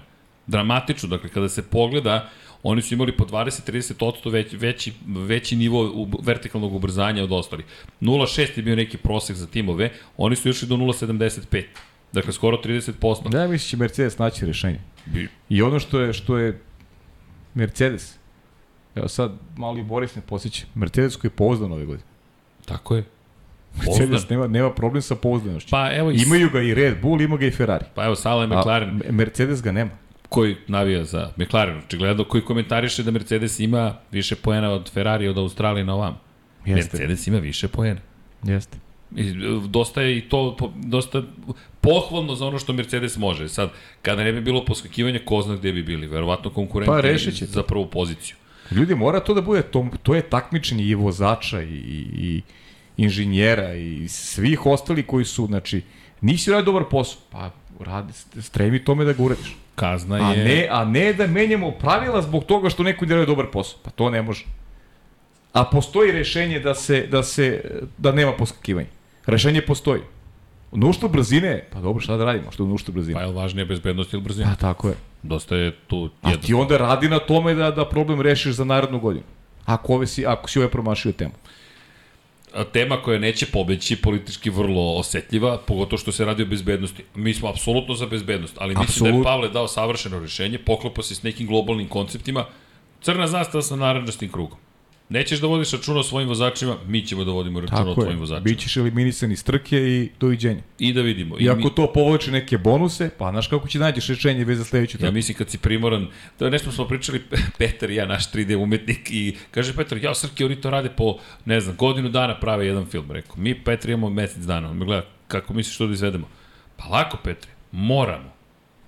Nemaš opcije, imamo 30 dana da uradimo nešto. Ok, neki imaju 12 meseci, mi nemamo taj luksus. I što ćemo sad? Ništa izmislit ćemo, skraćivat ćemo krajeve, nešto ćemo da sredimo i doći ćemo do rešenja.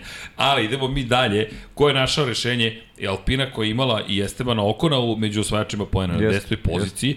Sve pohvale za celu Alpinu. I kao što si rekao, u trećem sektoru, inače Alpina koja je smanjila aerodinamički otpor, zadnje krilo je bilo gotovo potpuno ravno. Gde su sad tu problemi?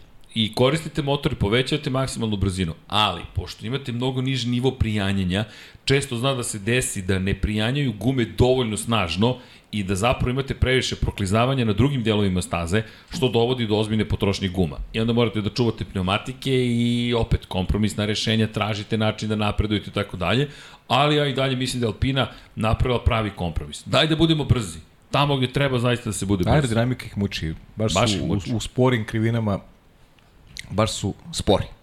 Jednostavno, jednostavno nemaju, nemaju dobro izbalansiran bolid i u onom drugom sektoru to je ogroman zaostatak u odnosu na, na ove vodeće timove i ti rezultati onda samim tim i Alonso i Okona dobijaju na težini. Neka druga konfiguracija staze bi mo će im pomoći da se možda bore i za, i za, za neki veći ulog. Da, inače i pohvale kompletne za McLaren.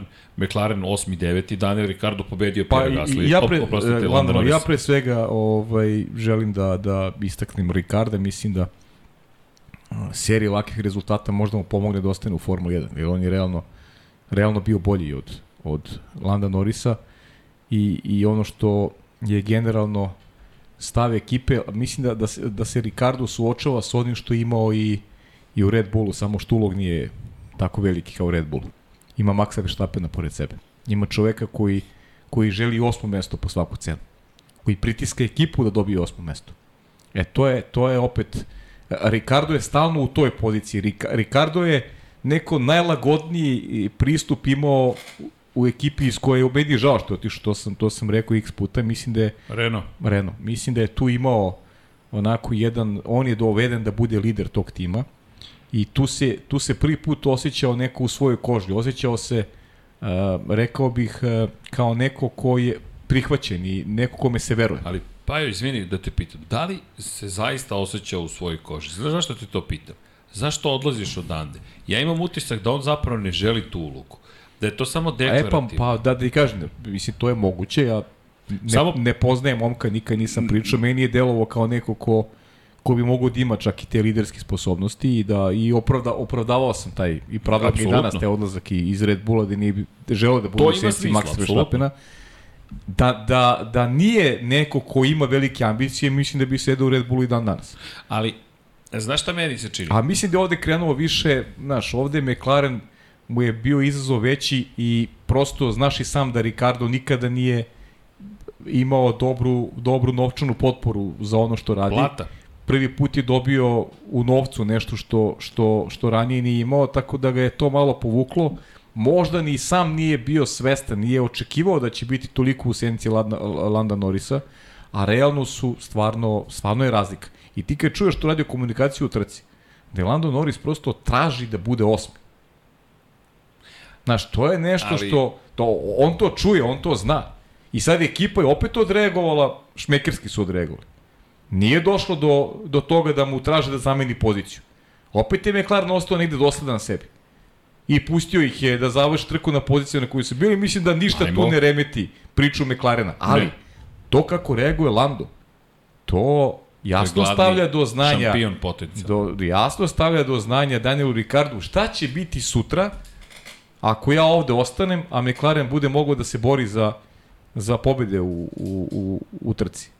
Mada, mada mu opet McLaren prošle godine nije ovaj nije mu rekao da da prepusti Landu poziciju Nije, u ali pazi, nije ni sada tražio na početku trke u Baku, koje je na drugačije strategije. Srednje tvrde gume su kod Norisa, tvrde gume su kod Daniela Ricarda, Ricardo koji ga prati i deluje da bi mogao da ima bolju trku, ali McLaren ne traži da se iko skloni.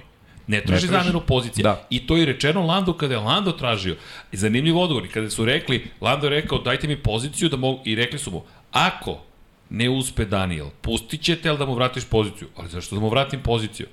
Pa, zato što smo isto to tražili od njega, to jest nismo tebi ništa tražili na početku trke. Ali to je bilo na početku trke, ovo je za kraj trke. Da, da. Lando, Da. da. Koje, čekaj, koja je to postavka? Ovo razmišljam. Kao, hoću, budem, hoću da budem osmi, hoću da budem ispred Ricarda. Da, ispred, a mislim da je to još važnije. Ću budem ispred Ricarda. tako je, ispred klubskog kolege. Ali zašto, zašto mi je pitanje da li je Ricardo uopšte taj, jer vidi, ti si u Renault bio ovako držan. Njega je Cyril Abitobul, tadašnji izvršni direktor ekipe, ovako držao, kao malo vode na dlanu.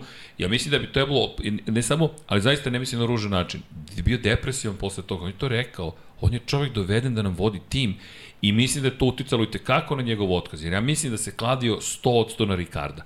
Ali ja iskreno, kako meni ovo izgleda?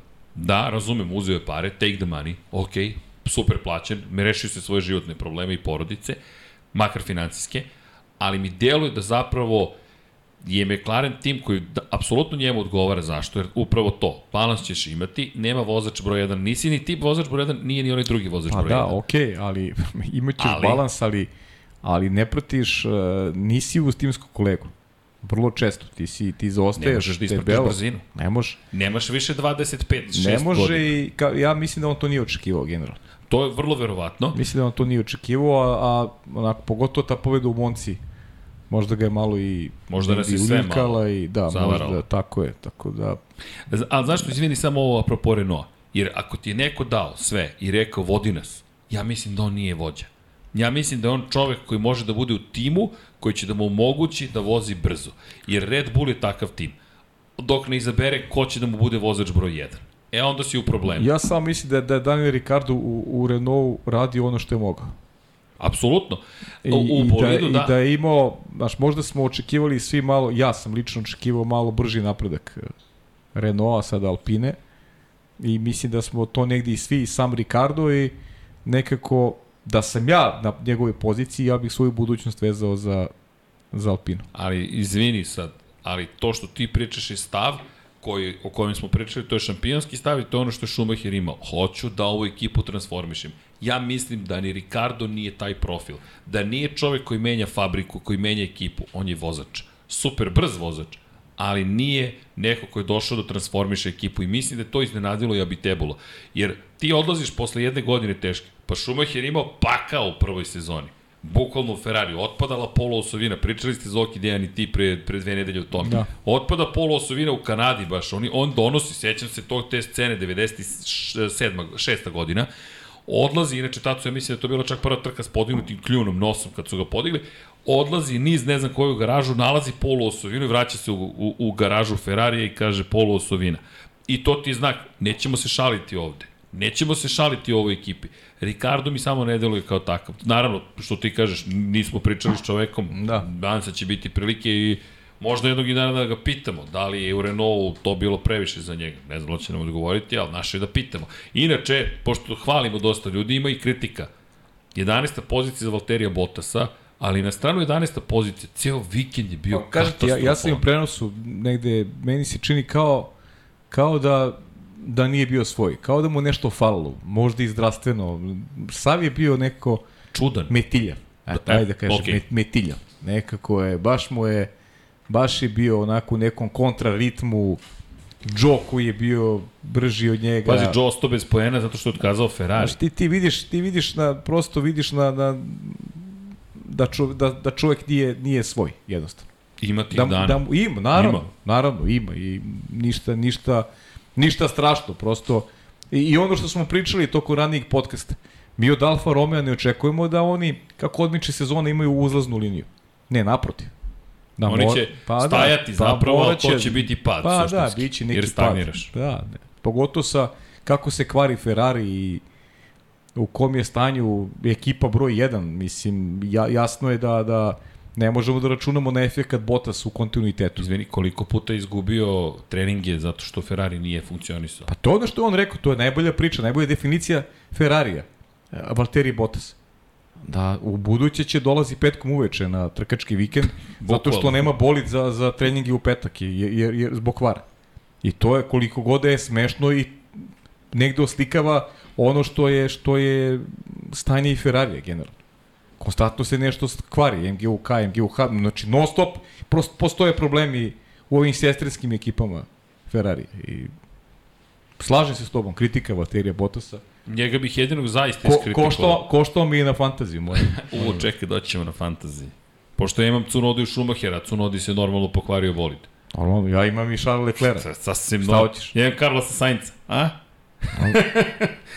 Vidi, znači ja na fantaziju mogu samo kao Meni Alfa sad Romeo, kad je, samo pro... na dole da sad kad mi je Gasli proradio, kad konačno nešto uradio, ja dva vozača mi odustane. Ne, ja se izvući neću. Ja imam Mika Schumachera, ne odustajemo čoveka koji je bio 14. Ponovo je bio prosečan. Zaista ovo Ne znam već šta postaje je, ne znam prosek. šta je s koleginicom iz prodaje, šta je dobro. Ja ne smijem ni da pitam šta je, šta je uradila.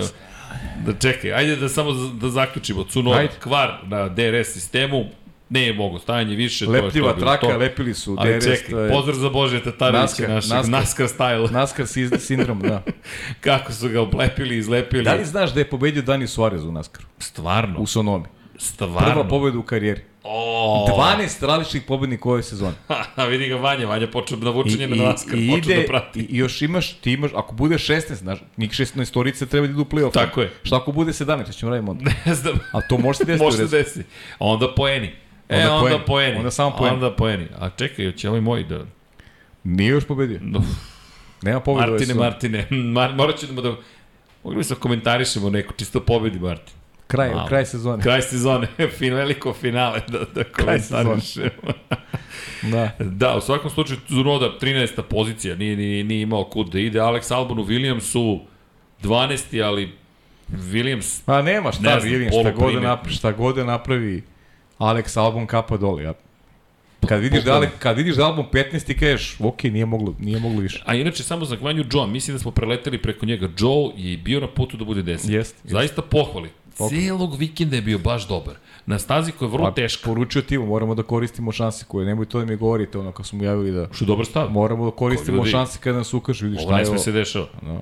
Ali pazi, to Novajlija ti poručuje njegovoj Lepo, osmoj trci. svaka čast. Svaka čast. Od nekoga ko platio je da vozi do toga, ej, čekaj, Ja. imamo vozača. Meni je to super. I sviđa mi se njegov i meni, napredak. se- i meni se to isto, moram priznati. Super, su baš dobro. Lance Stroll, Nisam neki veliki fan Gvanju Joe, ali, ali, ali ovo što pokazuje je stvarno svaka čast. skuplja poene. Ja sam Jeste. veći fan sada nego u Formuli 2. U Formuli 2 mi je bio Isto, baš ma ne, problematičan Formula form. 2 mi je baš mnogo A jao. grešaka i A Formula 2 tek, Juri Vips. Katastrofa. Ko nije gledao Formulu 2, ispratite Pričat šta se zbilo. Da. Lance Stroll, samo, samo kratko, Lance Stroll, ne, ne znam šta bih prokomentarisao, ništa. ni za njega, ni za Da, Nikola Latifi, osim da dolazi njihova trka domaća. Eto.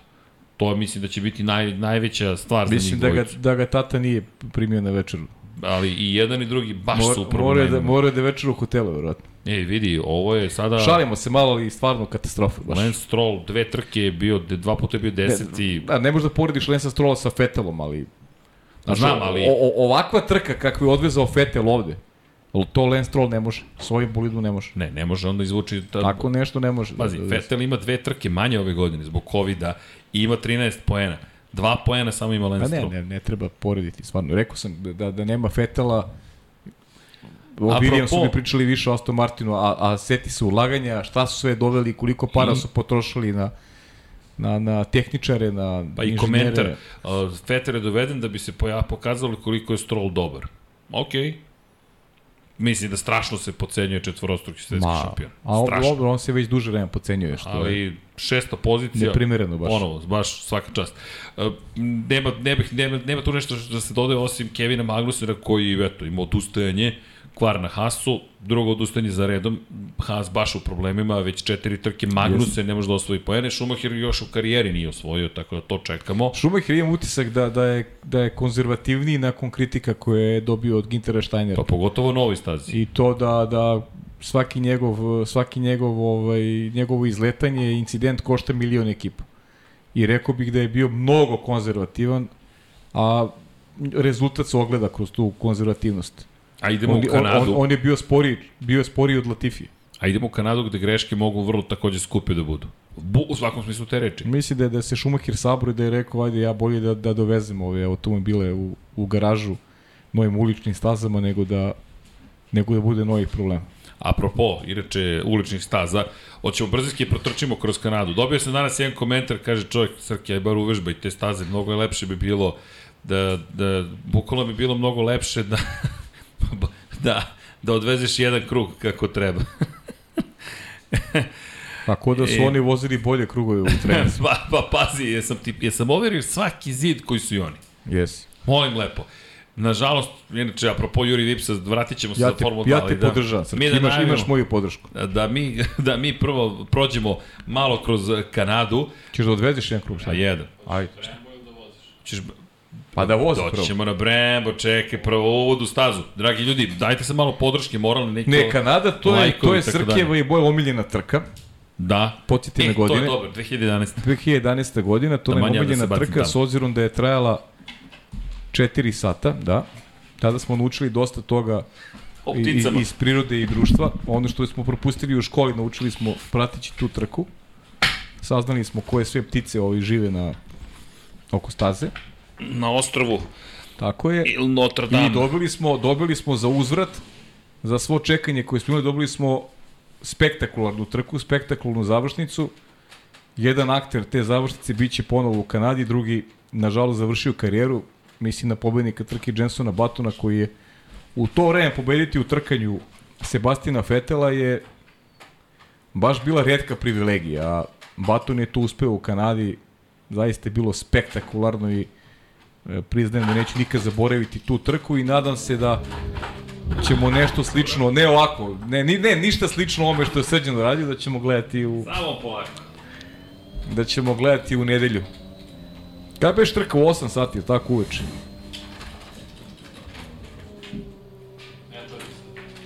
Ne čuje me sada, U 8, 8. čuje. Sve on čuje. Čekaj, sad, sad me zbunjujete. Evo. Evo. Dobro.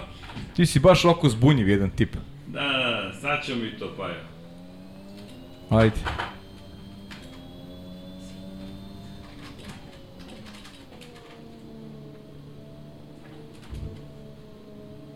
Evo ga Boris, kaže, ako Kimi pobedi u Watkins Glen, ide li u playoff? Ne ide, Borise.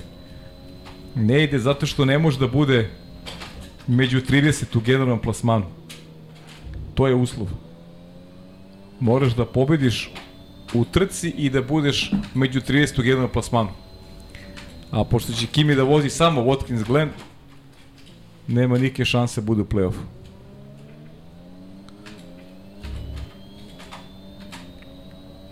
Ali super, ima tu simbolike zaista što, što Kimi vozi u Watkins Glenu, to je baš interesantno. Nekada se vozila tamo Formula 1, Tako da ćemo sa pažnjom ispratimo ovaj NASCAR trku u Watkins Glenu i i učinak Kimi Raikkonen. Srki, pričaj nešto, čoveč. Čekajte vas, dvojice, nemoj sad da me zavujišete.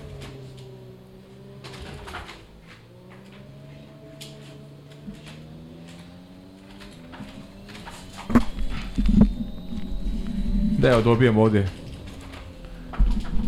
od koleginici iz prodaje da trka jeste u 20. Kvalifikacije su u 22 u subotu. Treći trening od 19 do 20. U petak počinjemo u 20 sati, tada je prvi trening, drugi trening u 23. Dakle, treći u 19 sati, u subotu kvalifikacije 22 i trka u, u 20. Za vikend nemamo ništa od ovih pratićih serija, vozi se samo Formula 1. E onda od Silverstona. Pratimo bukvalno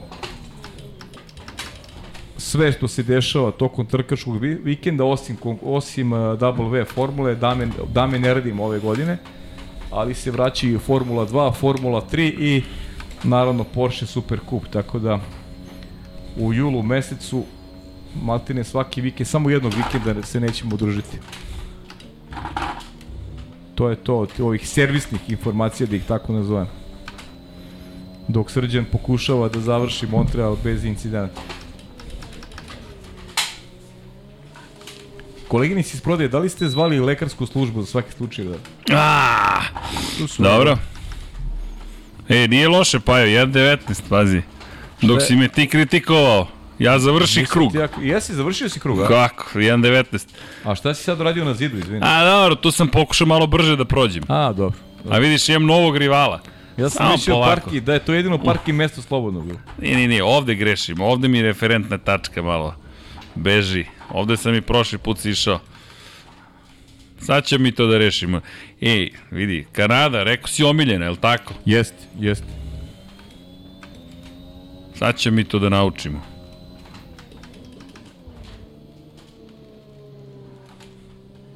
Branislav Dević ima neko pitanje da li će da li će Neon aplikaciji biti stare trke koje smo ti ja komentarisali. Teško. Ne znam, stvarno, teško, a? Ne znam, Branislave, provjerit ću pa, će, pa ćemo ti javiti. E, to je pitanje prava.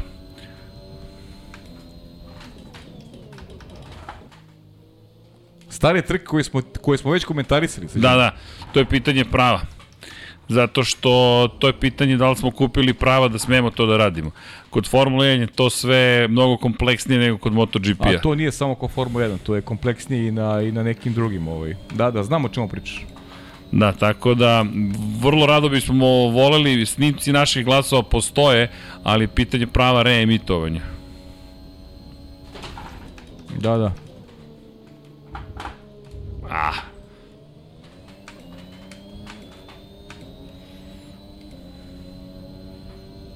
Ajmo neka pohvalica, nisam toliko loš ovog Mo, puta. fenomenalan si.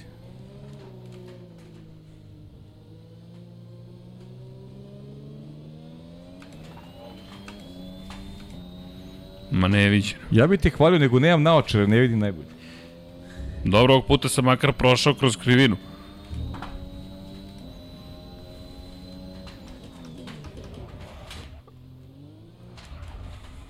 A, srđane. Dobro, dobro, dobro. Sledeći krug je moj i onda završamo. Ali ja mislim da sam već sad mnogo bolje nego što sam bio. To mi je to, svake nedelje vežba. Ne, bez vežbe nema ništa. Čim me pohvale, a? Pa ani ne znam da su me ljudi pohvalili, ali nema veze. Ne, ne, stvarno, bez, bez vežbe ništa. Ne, ne, ne, nije loše bilo. Nisam, nisam nezadovoljan. Kako, kako, kako? Kletva publike. Jako. Kako? Bravo, kletva publike. Kletva publike. Opa, novi koncepti su uvedeni u Lab 76.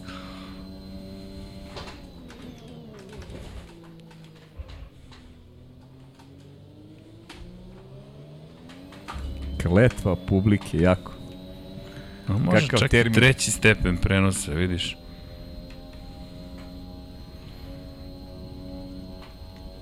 Najde da ovde da probamo. Žao mi što Filip ide pre podno školom, ovo je da nam pokaže ovo.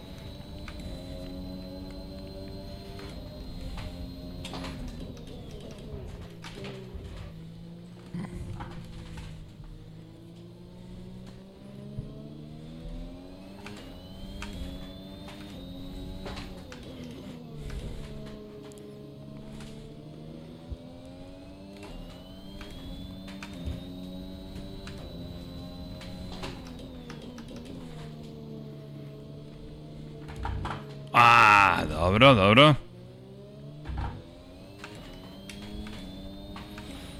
Dobio si crve, crno-naranđaste zastave.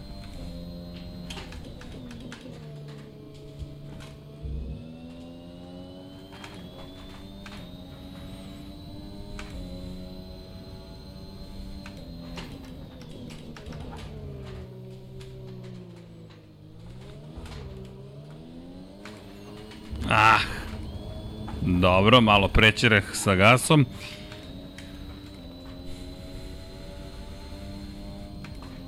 U, moram sad samog sebe da pobedim u ovoj krivini. Dobro.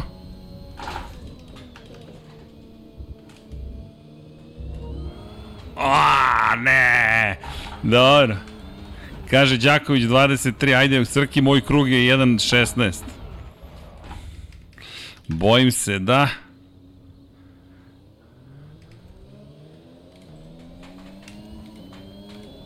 Bojim se da to neće biti ovaj krug.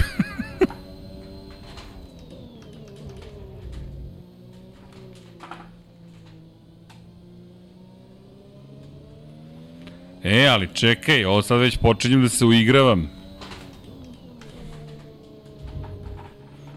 Čuveni incident Hamilton Vettel se ovde desio. Do sutra ćeš da budeš sjajan. Ovde mora drugi.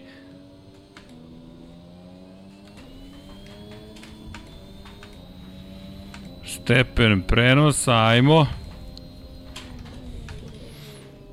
Uh, sad sam preterao, mora četvrti.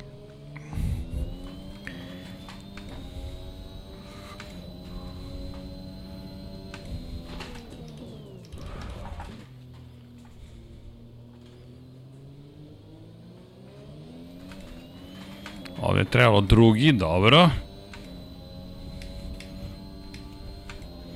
Ništa, Migdu moram da pobedim na kočenju. Ovo mi je rival, dobro, bar sam toliko naučio. U, dobro. Malo ćemo da skratimo. Ma da. Nekad je sudio, pusti se. Spavaju sad.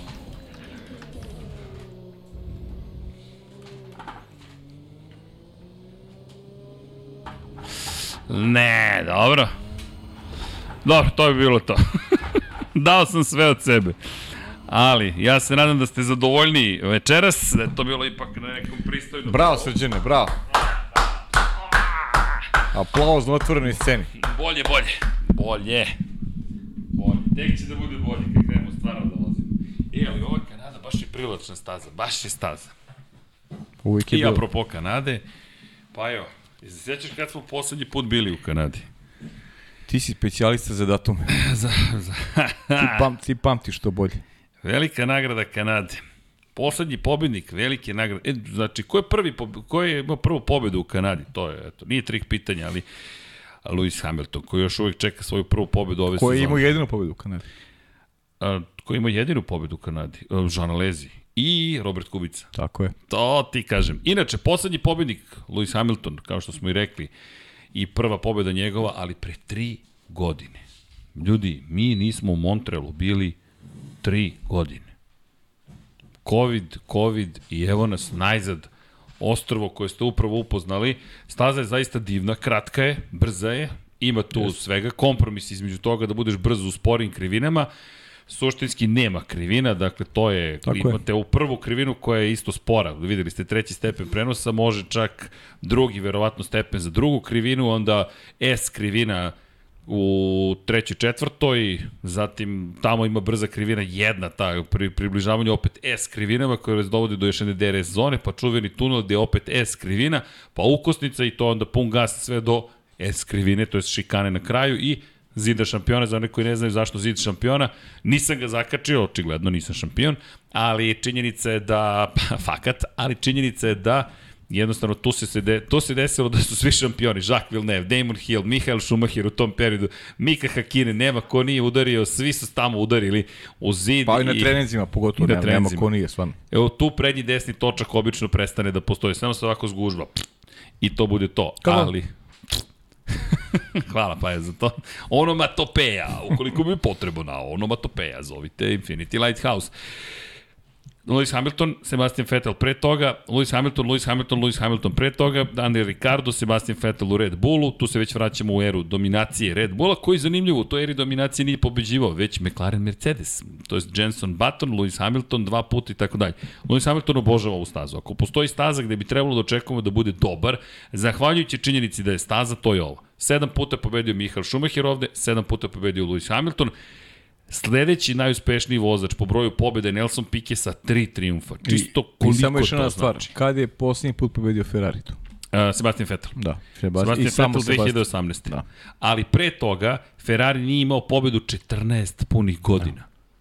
14 punih godina od momenta kada je dominirao Michael Schumacher Još, jedna, još jedan pokazatelj koji ne ide u prilog. Ne. Ferrari u pred odlazak. Tamo, bez obzira što su okolnosti malo, malo drugačije u odnosu na tu eru dominacije Luisa Hamiltona, ali svakako im ne odgovore. Mada ne može ni Red Bull baš da se pohvali sa nekim Ne može. velikim ostvarenjima, pogotovo u novi eri. Da, Daniel Ricardo, eto, nadam se da će ovde imati uspeha, ali... Interesantno, Ricardov koji voli ove staze, da kažem, koji su ovaj, ulične, da kažemo, i te karakteristike. Ovaj, pobeđivo u Monako, pobeđivo u Azerbejdžanu, u Montrealu dobar. Znaš, prosto, prosto mu ove staze, ove staze mu odgovaraju. Ja se zaista nadam da ćemo imati jednog uh, Daniela Ricarda koji je na onom nivou na kojem je bio. Ne vidim iskreno da će se nastaviti karijeru nekom neverovatnom Pa dobro, sada, naravno, naravno. jel te, pozitivnom smeru, ali držimo palčev i ovo može biti lepa trka. No, ko? Nije, Lewis Hamilton je pobedio 2019. A jeste, da. A, Vanja, Vanja, vraća ga na... Dobro, to, Dobro, pa to, to- sam rekao malo pre, čuveni incident jeste. se tu desio. To jeste Vanja- jedna, jedna od ovaj... Je od uspomena iz, Pa da, te, iz te trke. tu sam ja obeležen isto, jer zaista smatram da nije bilo doslednosti u nekim odlukama i da je Tu tu... si obeležen. Pa da, obeležen sam kao neko koji je ovaj, protežirao Fetela, mislim da sam, nisam ja gledao u pracu Fetela, nego mislim da gledao sam u pracu nedoslednosti. Pa, I rekao bih da je tu Fetel kao što, bravo Vanja, podsjetio sam me, Fetel je zaslužio tu pobedu iz moje perspektive. Zamenio je Jeste, poziciju. jeste, zamenio zamenio je pozicije, da, da, pozicije. Jeste, uzeo je tablu sa brojem 1, stavio je Jeste, na, jeste, jeste. kod Hamiltona, kod sebe stavio broj 1, a kod Hamiltona stavio broj 2 i njegov komentar, za oni koji ne znaju šta se desilo, 2019. u jednoj od ovih krivina gde sam često nastavljao preko livade, jel te prva u levo, pa desna krivina, pa onda dolazite do treće i četvrte, mada ne znam da li ih tako obeležavaju, ali treća i četvrta S krivina tu je u pokušaju da pretekne Luisa Hamiltona koji je napravio gre... Ne, Luis Hamilton je, uh, Sebastian Vettel je napravio grešku pod pritiskom Luisa Hamiltona, gde je skrenuo blago ka Luisu Hamiltonu, završio je ispred Hamiltona, ali je za taj potez dobio kaznu. E sad, da li je skrenuo namerno ili je kontrolisao bolid je nešto sasvim drugo, ali je činjenica dobio kaznu koju nismo baš često viđali da se dobija. Nismo, ja pogotovo što ja sam ubeđen da je, da je radio upravo ovo drugo.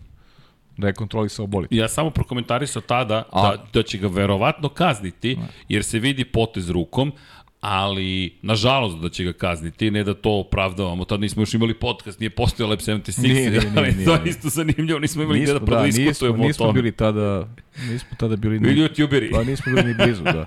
ne, nismo bili ni A blizu realno toga. tad nismo bili ni blizu. Da, tako je. I sad, ceo komentar je zapravo bio upravo to. Gotovo sigurno će ga kazniti. Da li bi trebalo da ga kazne nešto sasvim drugo? Kakav je pravilnik, kako je pravilnik napisan, takođe problematično i ono što je Paja tada rekao, nedoslednost, nedoslednost u kažnjavanju.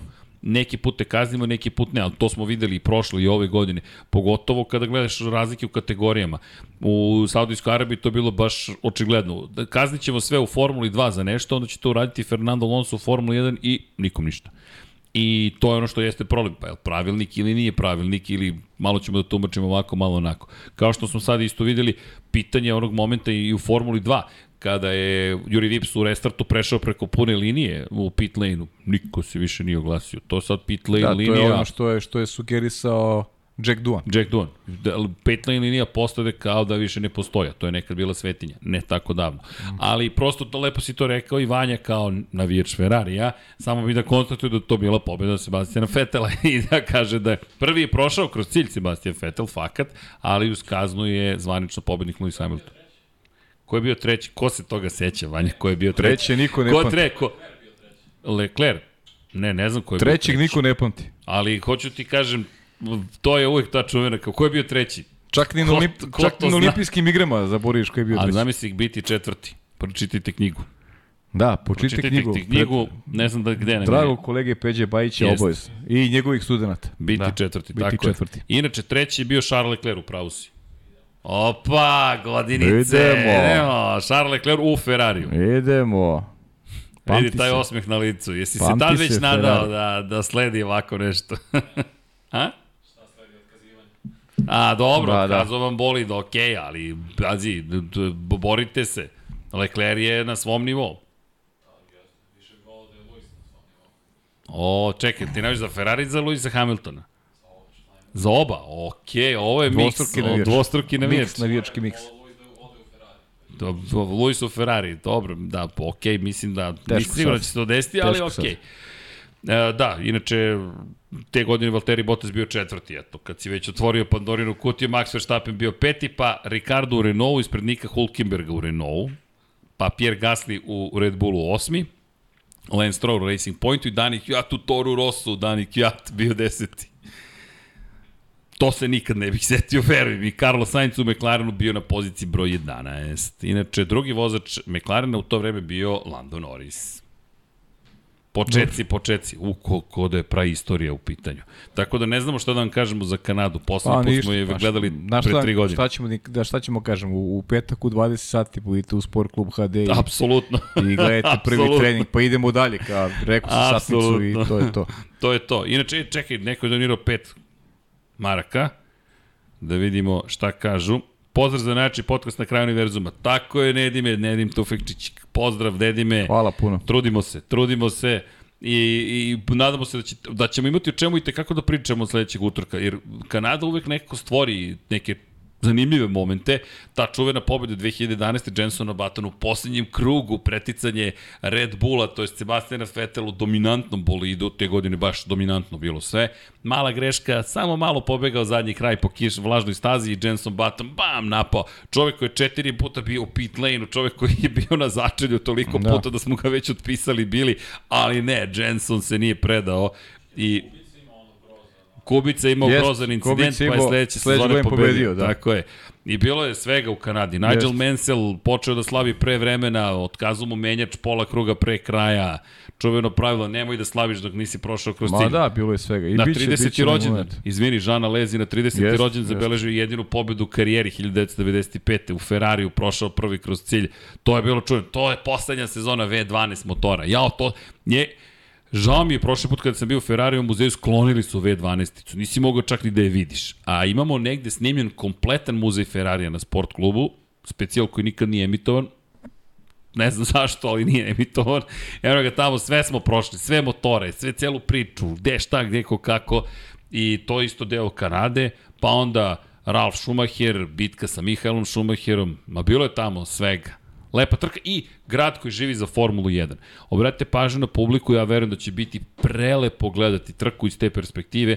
Uvek su prepune tribine od petka preko subota do u krajem nedelje. slučaju imaju i dvojicu svojih predstavnika. Kakvi god da su, kakvi god da su Njihovi formi, su. Njihovi To je su. lepo. Tako je. I treba da imaju podršku i zaista očekujte. Imali smo tu i čuveni incident, krug pre vremena, završena trka. Ko, kako se zove dama koja je uzela zastavu i počela da maše pre vremena? A, bravo, da. Imali smo, imali smo... Ali nije bila Serena, nije. Nije, nije, nije bila Serena. Serena je bila u Monaku, ali ona na vreme Ne mogu se setim ko, ali imali smo situaciju gde je pre vremena počela da vrati zastavu. No, igrala se. O, Pa, po pravilniku, to je kraj trke. Kako? Vini Harlow, jeste, Vini Harlow, jeste, Vini Harlow je dobila zastavu i rekli su joj kad se završi trka, kreni da mašeš i ona je videla bolide koji dolaze, devojka i počela da maše Dobro je krug da nije pre 10 kraja. kruga pre kraja počela maša. počela da manše i to je kraj, zvanično to je kraj trke, to je to, to je kraj trke. Tako da da, Kanada, vidiš, kad kreneš da prebiraš po uspomenama, A bolje da ima. traćemo do ujutru. Trajećemo bukvalno do ujutru. Ajmo na dvojku da prećemo. Ajmo na dvojku. Da, da ispoštujemo dva, dvojku i naravno vaša pitanja, ali samo kratko ćemo što se tiče Formule 2.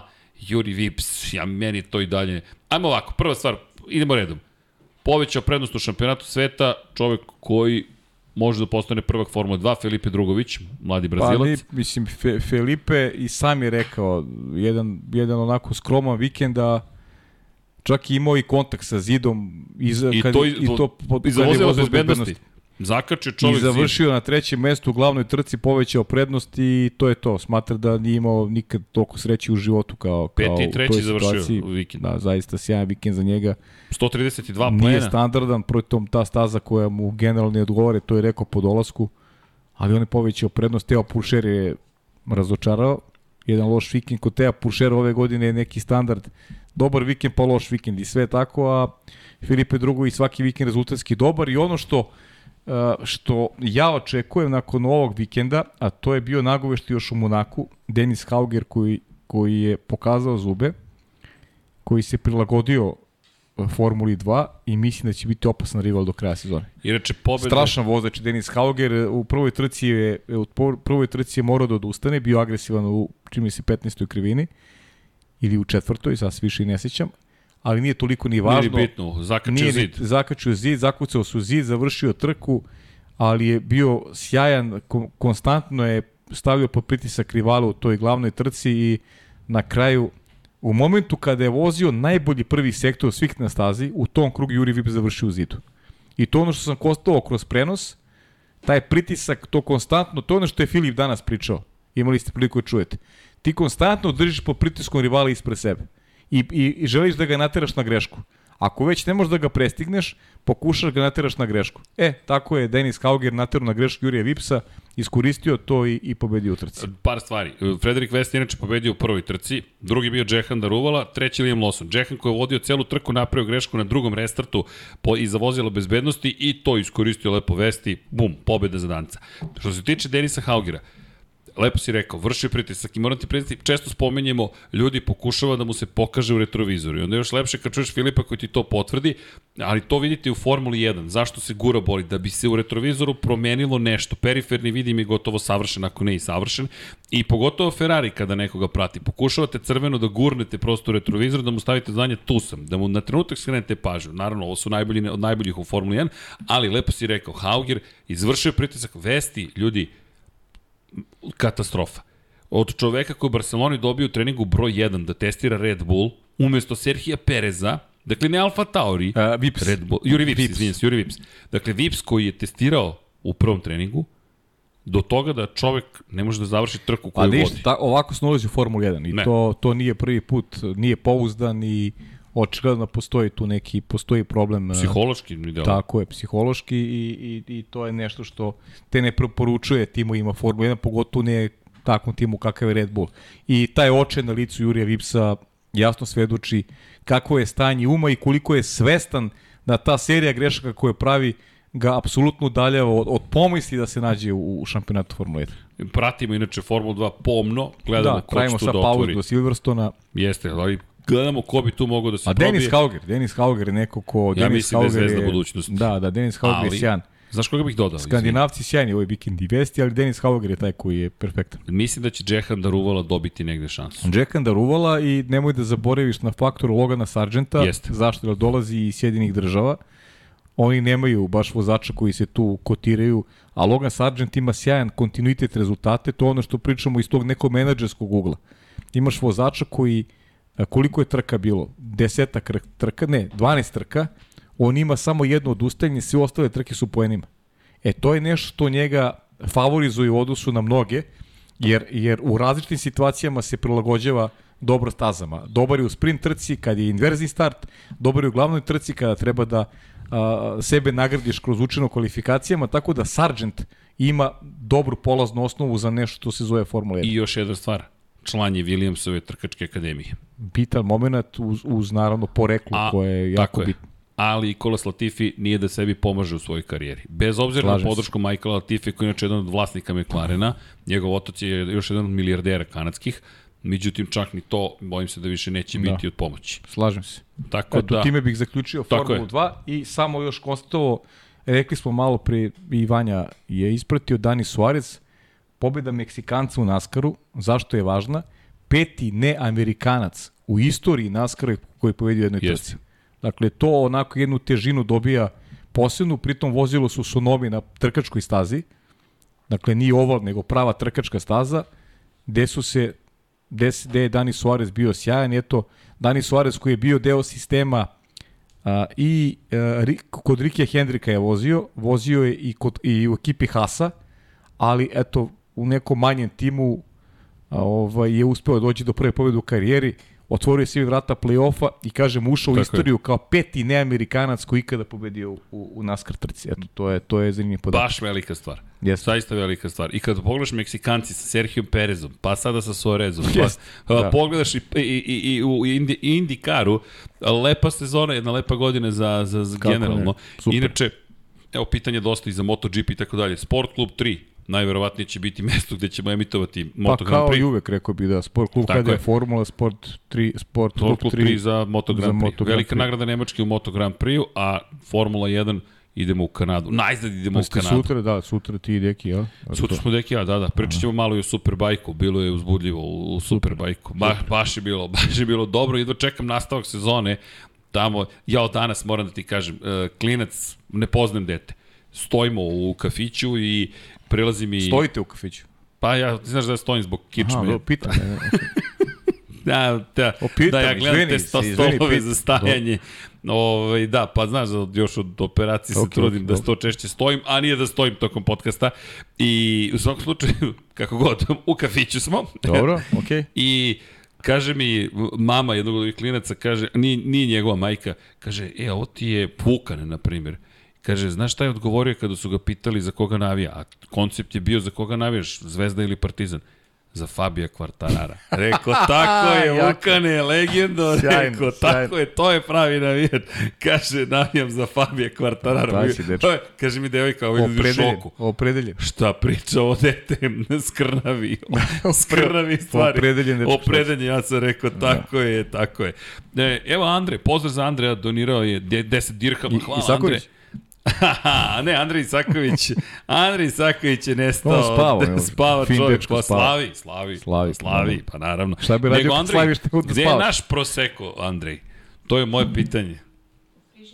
U frižideru, o pa dobacuje Stvarno? koleginica iz prodaje. Posla, pa, posla proseko čekaj, čovjek. Čekaj, objasni mi šta. A čekaj, až gde je Pa, da, ovde ja, nama ja pijem vodu, proseko? ja pijem vodu večer.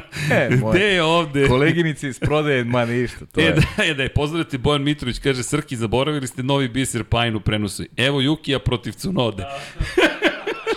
Sam rekao to, stvarno. Jesi. Pa ja, sam, ja sam sam sebi car. izgleda. Stvarno sam to rekao. Evo Juke protiv Cunoda. Jimmy Franco donirao 100 dinara, kaže, devojci Jasno. smetalo što gledam Formulu 1, sada je bivša devojka. A, to nije baš lepo, levi. Do, Mislim, pa, ako je tebi lepo, onda u redu. pa do, vidi, izvini, jel savršena? Očigledno nije.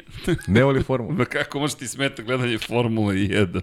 Ali da, ej, pogledajte podcast Govori da, i, da je smetaju vaši glasovi. E, Možda, o, A, vidi ga, Anja, gađa, nisko i danas, naši glasovi, jel to Nisko nešto želiš danas da, da, da, da, da, da kažem? Uh, Dino, ispod kako gledati Sport klub Srbije u Hrvatskoj, ne znam, možda možete da promenite Šta, kako? jezik na, na EON-u. Kako može da se bira da li je Sport klub Aha, Srbije ili da. Sport klub Hrvatske? Pa ne, stvarno Da, stvarno, ne znam. Evo, Pa da ja stvarno pozdravljam kolegi iz Po- da, da, Hrvatske. tako je. Znaš, sve, uh, dobri momci, dobro rade, sve u redu. E, ima jedno pitanje. Gde je Dom Pablo? Ne spominjete ga duže vreme. E, Dom Pablo. Dom Do- Pablo počeo da spava redovno čovjek. Penziji, Rekao, ja ne mogu više. ja ne mogu više. Dom kaže. Pablo je pred penzijom. A, kaže, Pajo, pisat ćemo budući tvoje lapsuse. Ne, pravimo majice, šta A je? može, ljudi, sve okej, ja sam. To je sve transparentno. Da, ej, nismo fantazi prošli. Čekaj, nemoj da pobegnemo od fantazija. Samo zato što nismo među prvih 4000 ne znači da ne treba se pozabavimo fantazijom. to što ti nisi među prvih 4000, ne znači da ja nisam. Tako je, tako je, Pavle. Ja me guraš isti ko što ovo. Sad ću vidimo koji si ima, koji Sad ćemo da vidimo, fantazi. Šta se ti smiješ, Vanja, ili učestvuješ ti u ovome? A ne, on neće da se blamira ko ja i ti. Ko ti ja u stvari. Ne, ne, ti Da ja, budem- ali mi imamo borbeni duh, ja ne A, odustajem. da, ja ne, od svojih polena Nisam ja. Binoto, for the win. Tako je. Veruj mi, ja sam mnogo se iznervirao na Binotu izjavu. To je suš, suština Vidim da te, antisporta. vidim da te pogodilo, nema potrebe. Antisportski je pajo. Kao smanjimo pritisak. Ma šta pričaš, Pa smanjiš pritisak. Čoveče, ali- tvoj da dođeš u ekipu i kažeš sad imamo šansu, sad idemo u boj. Kako A, ćeš ali- čoveče, ne nego ćeš da im kažeš opustite se Up, ove upad, godine. ali upadaš u jednu, Sledeći upadaš u jednu bolji. drugu brzinu kolo. Koje? Pa znaš i sam. Znaš, to sad tumačenje izjeva, ono, Aha, pa znam, znaš, ali- do kraja. Pa znam, ali... E, e, e, Znaš da je najbolje, i znaš da je najbolje kad, kad razgovaraš kad ga gledaš, kad ga gledaš ovaj, u, u lici i vidiš kakav kontekst ima ta izjava. Znam, Znaš, ali... često se izjave i, znaš, ono, izlači se iz konteksta. Ali i- pazi, ovaj puta je bio baš je bio konkretan. To što smo konkurentni ne znači treba da se borimo za titulu. Šta to znači? A ništa, malo skineš teret sa sebe i... A, sa se, e, sa Ferrari, sebe možda. sa Ferrari, sebe, evo, Ferrari mislim da si lepo rekao, da. sa sebe. Sa sebe, a ovo ostalo, pa, nema veze. Ne branim ja Binota, ti znaš šta ja mislim o ovoj cijeloj priči, tako da... Ja sam fantastičan Ste- 3750. Stefano Dominikali, to je... 3700, a koji sam ja? 750. Čekaj da ispuštujemo. Larry T nam je prvi, pa Uroš M, pa Luka S, pa Vuk M, pa Marina Mihajlović, pa Kal C, pa Maršan. Uh, imamo osjećaj da su nam upali neki globalni takmičari, ali Neka su. pa Sve nema- su živi i zdravi, na pravom su mestu Stevan Stojev, Wilburn I, Radovan B, Stjepan M i tako dalje. Dobro, a ovaj Mr. Larbo mislim da je od prošle godine sa nama. Ako se ja dobro Pa sećam. moguće. A pazi, Rošu Racing, Uroš, bravo, Luka S, Tim 1, u Azerbejdžanu 320 pojena, šta uradi ti Luka?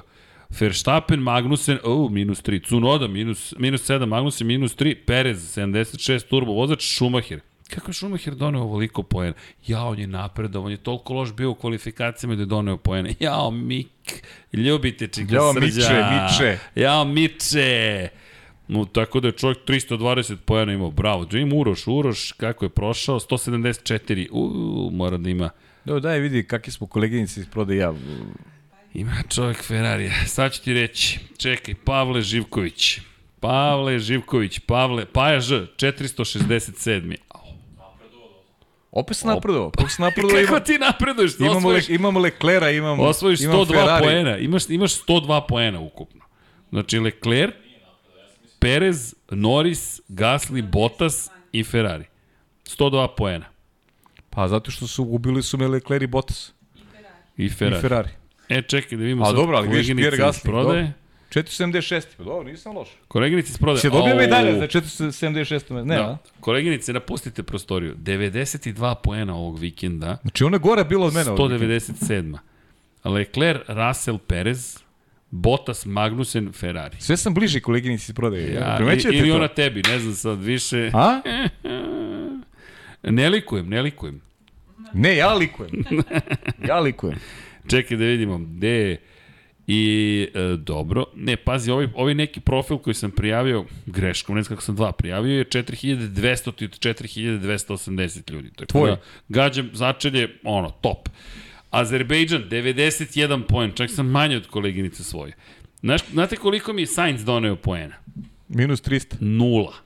Ali pazi, nula. I ja mislim da to govori dovoljno o njegovoj trci. Čak nije ni minus 3. Potpuno neupečatljivo. Čak nema ni negativnih poena. Pa on je dobio poene na to što je rekao da je Red Bull brz. Verstappen, Verstappen 54, Alonso 22, Schumacher 15, Tsunoda minus 3. Ne vredi, Sain, Ferrari, bar da je Leclerc završio pa da imam nešto da... Ne. 3750.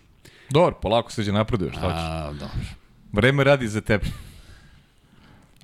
Igramo se, Srki, to je igra. A igramo se, naravno. Ej, pa ljudi, šta, ovo je ja- čista zabava. Ti ja ne menjamo ekipu od, od Ma početka kakvo sezone, neću ni da menjam. ništa, Kaj, to si menadžer ili nisi? A, da. Moraš da veruješ u svoj tim.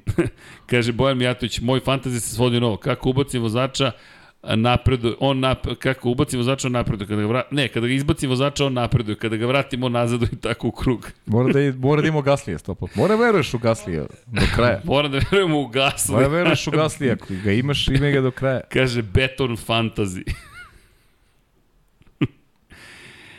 ja, i tako dalje.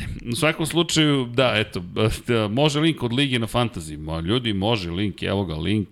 Što ne može, naravno. Evo ga link, a onda stiže i ko... A ne, čekajte, prvo ćemo link, evo ga, op, ide u komentare, bac, i ide copy code, pošto ne znam šta će da vam prihvati, da li jedno, da li drugo. Evo ga, samo se uključite ljudi, zabava, zabava traje, neprekidno. E, ko nije subscriber, drugari ili drugarice, kliknite subscribe, Zato što, pa, nama, nama znači, eto, ništa drugo, nemam nešto pametnije toga da kažem. Ma, pre, ako želite da pratite sve što mi izbacujemo, pošto inače teško predvidivo, utorkom je Lab 76 Formula 1, sredom je Lab 76 MotoGP 99 yardi petkom. Ali, ali, I ovo se ne šalim. Ja bih kliknuo subscribe jer mislim da ćemo početi da vas radujemo malo češće nekim stvarima. Kosmos takođe polako pripremamo. James Webb je nažalost Ja, dobio da, ja nisam meteorit, probio. Šta nisi rekao? Vanji nisam. Vanja? Četvrtak u 12. Četvrtak, ovo je mi zakazivanje rasporeda sada. U, Uživo, nikad nije bilo uživo. Sada, sada jeste. Da, e, inače, zapravo, pogledajte i Lukin i Kuzmin podcast košarkaški, pogledajte i Jao Mile, ali pogledajte i učerašnji koji su radili live, uh, je li tako? Da, Nikola, je- već je, to je live, to je, da, bilo je live. Nikola Vučević je juče. Da, super, sjajno. Ej, slušaj ovo. Znaš da ima potpisanu kacigu Ayrtona Sene? Ne razumeš? Čovek je vozio sve staze u, u, simu, u, u F1 dva- 2021.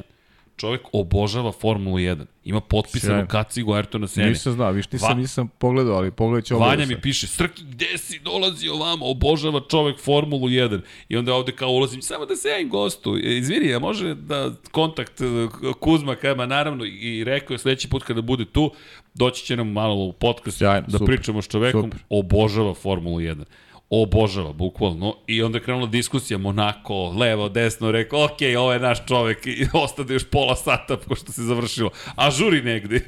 onda je čekao prevoz dole, pošto, jel te, ne možeš da dobiješ prevoz znači, i onda smo se ispričali. Znači, bit će u podcastu jedno 6 sati. Otprilike. Treba, treba u onom podcastu Ja mislim da Za za rekord. njega poseban, mo, misliš, definitivno, ali pogledajte, treba zaista pogledati i to što radi inače podrška svima koji snimaju generalno, e, kod nas naravno snima se dosta toga, ali pogledajte i Jao Mile imate, imate i Luku i Kuzmu, imate, ne znam, studenti neki su danas snimali, podrška svim studentima. Kako? Sefa. Dobro, ne mogu da se setim više. Pozdrav, to, to mi im dajemo podršku da, da, da, da puste svoja krila i tako dalje. Učite kao i Filip. Elem, imate neka pitanja, mada smo se trudili čak i da ispratimo komentare. Pa da. Andre, još 10 dirhama. Svi turbo driveri za Sainca pobedit će u Kanadi. O, ajmo predikcije. Pa, ko pobeđuje u Kanadi? Da. Ja ne mogu više budem... Ne, Charles Leclerc. Ne mogu više budem realan. E, pa, Charles Leclerc. znaš zašto? Ne želim više budem realan. Znaš, želim da budem... Šar, ja želim da bude Charles Leclerc. Charles Leclerc. To... Pa ne, zbog Fantazije. fantazije. Zbog zbog, fantazije. zbog sezone. Pa ne, zbog ali sezone. ja zaista mislim da će da pobedi. Jer ja zaista očekujem da pobedi. I mislim da i on, ja mislim da ako on ne uđe kod birota i kaže šefe, haj pobedimo, aj završimo ovo, ajde uradimo posao. Pa dobro, ono što je problem je motor. Ali ako negde možeš da pretečeš, a moraš sad da rizikuješ. Bukvalno. Jer ako sad ne to ne uradiš, Pa vidjet ćemo prvo šta će biti sa motorom, to je sad ključna, ključna stvar. Učutali smo se. Instant, uču, A, da. instant.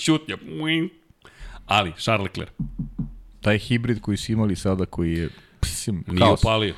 Apsolutno nije upalio. Baš nije upalio. I jeste problematično. Mislim, krajnje. Znaš, onako, iz, iz, iz uh, pogleda sezone, ja želim da bude Charles Leclerc, a... I to je to. Bukvalno Neka bude to. onda, zbog sezone, Leclerc,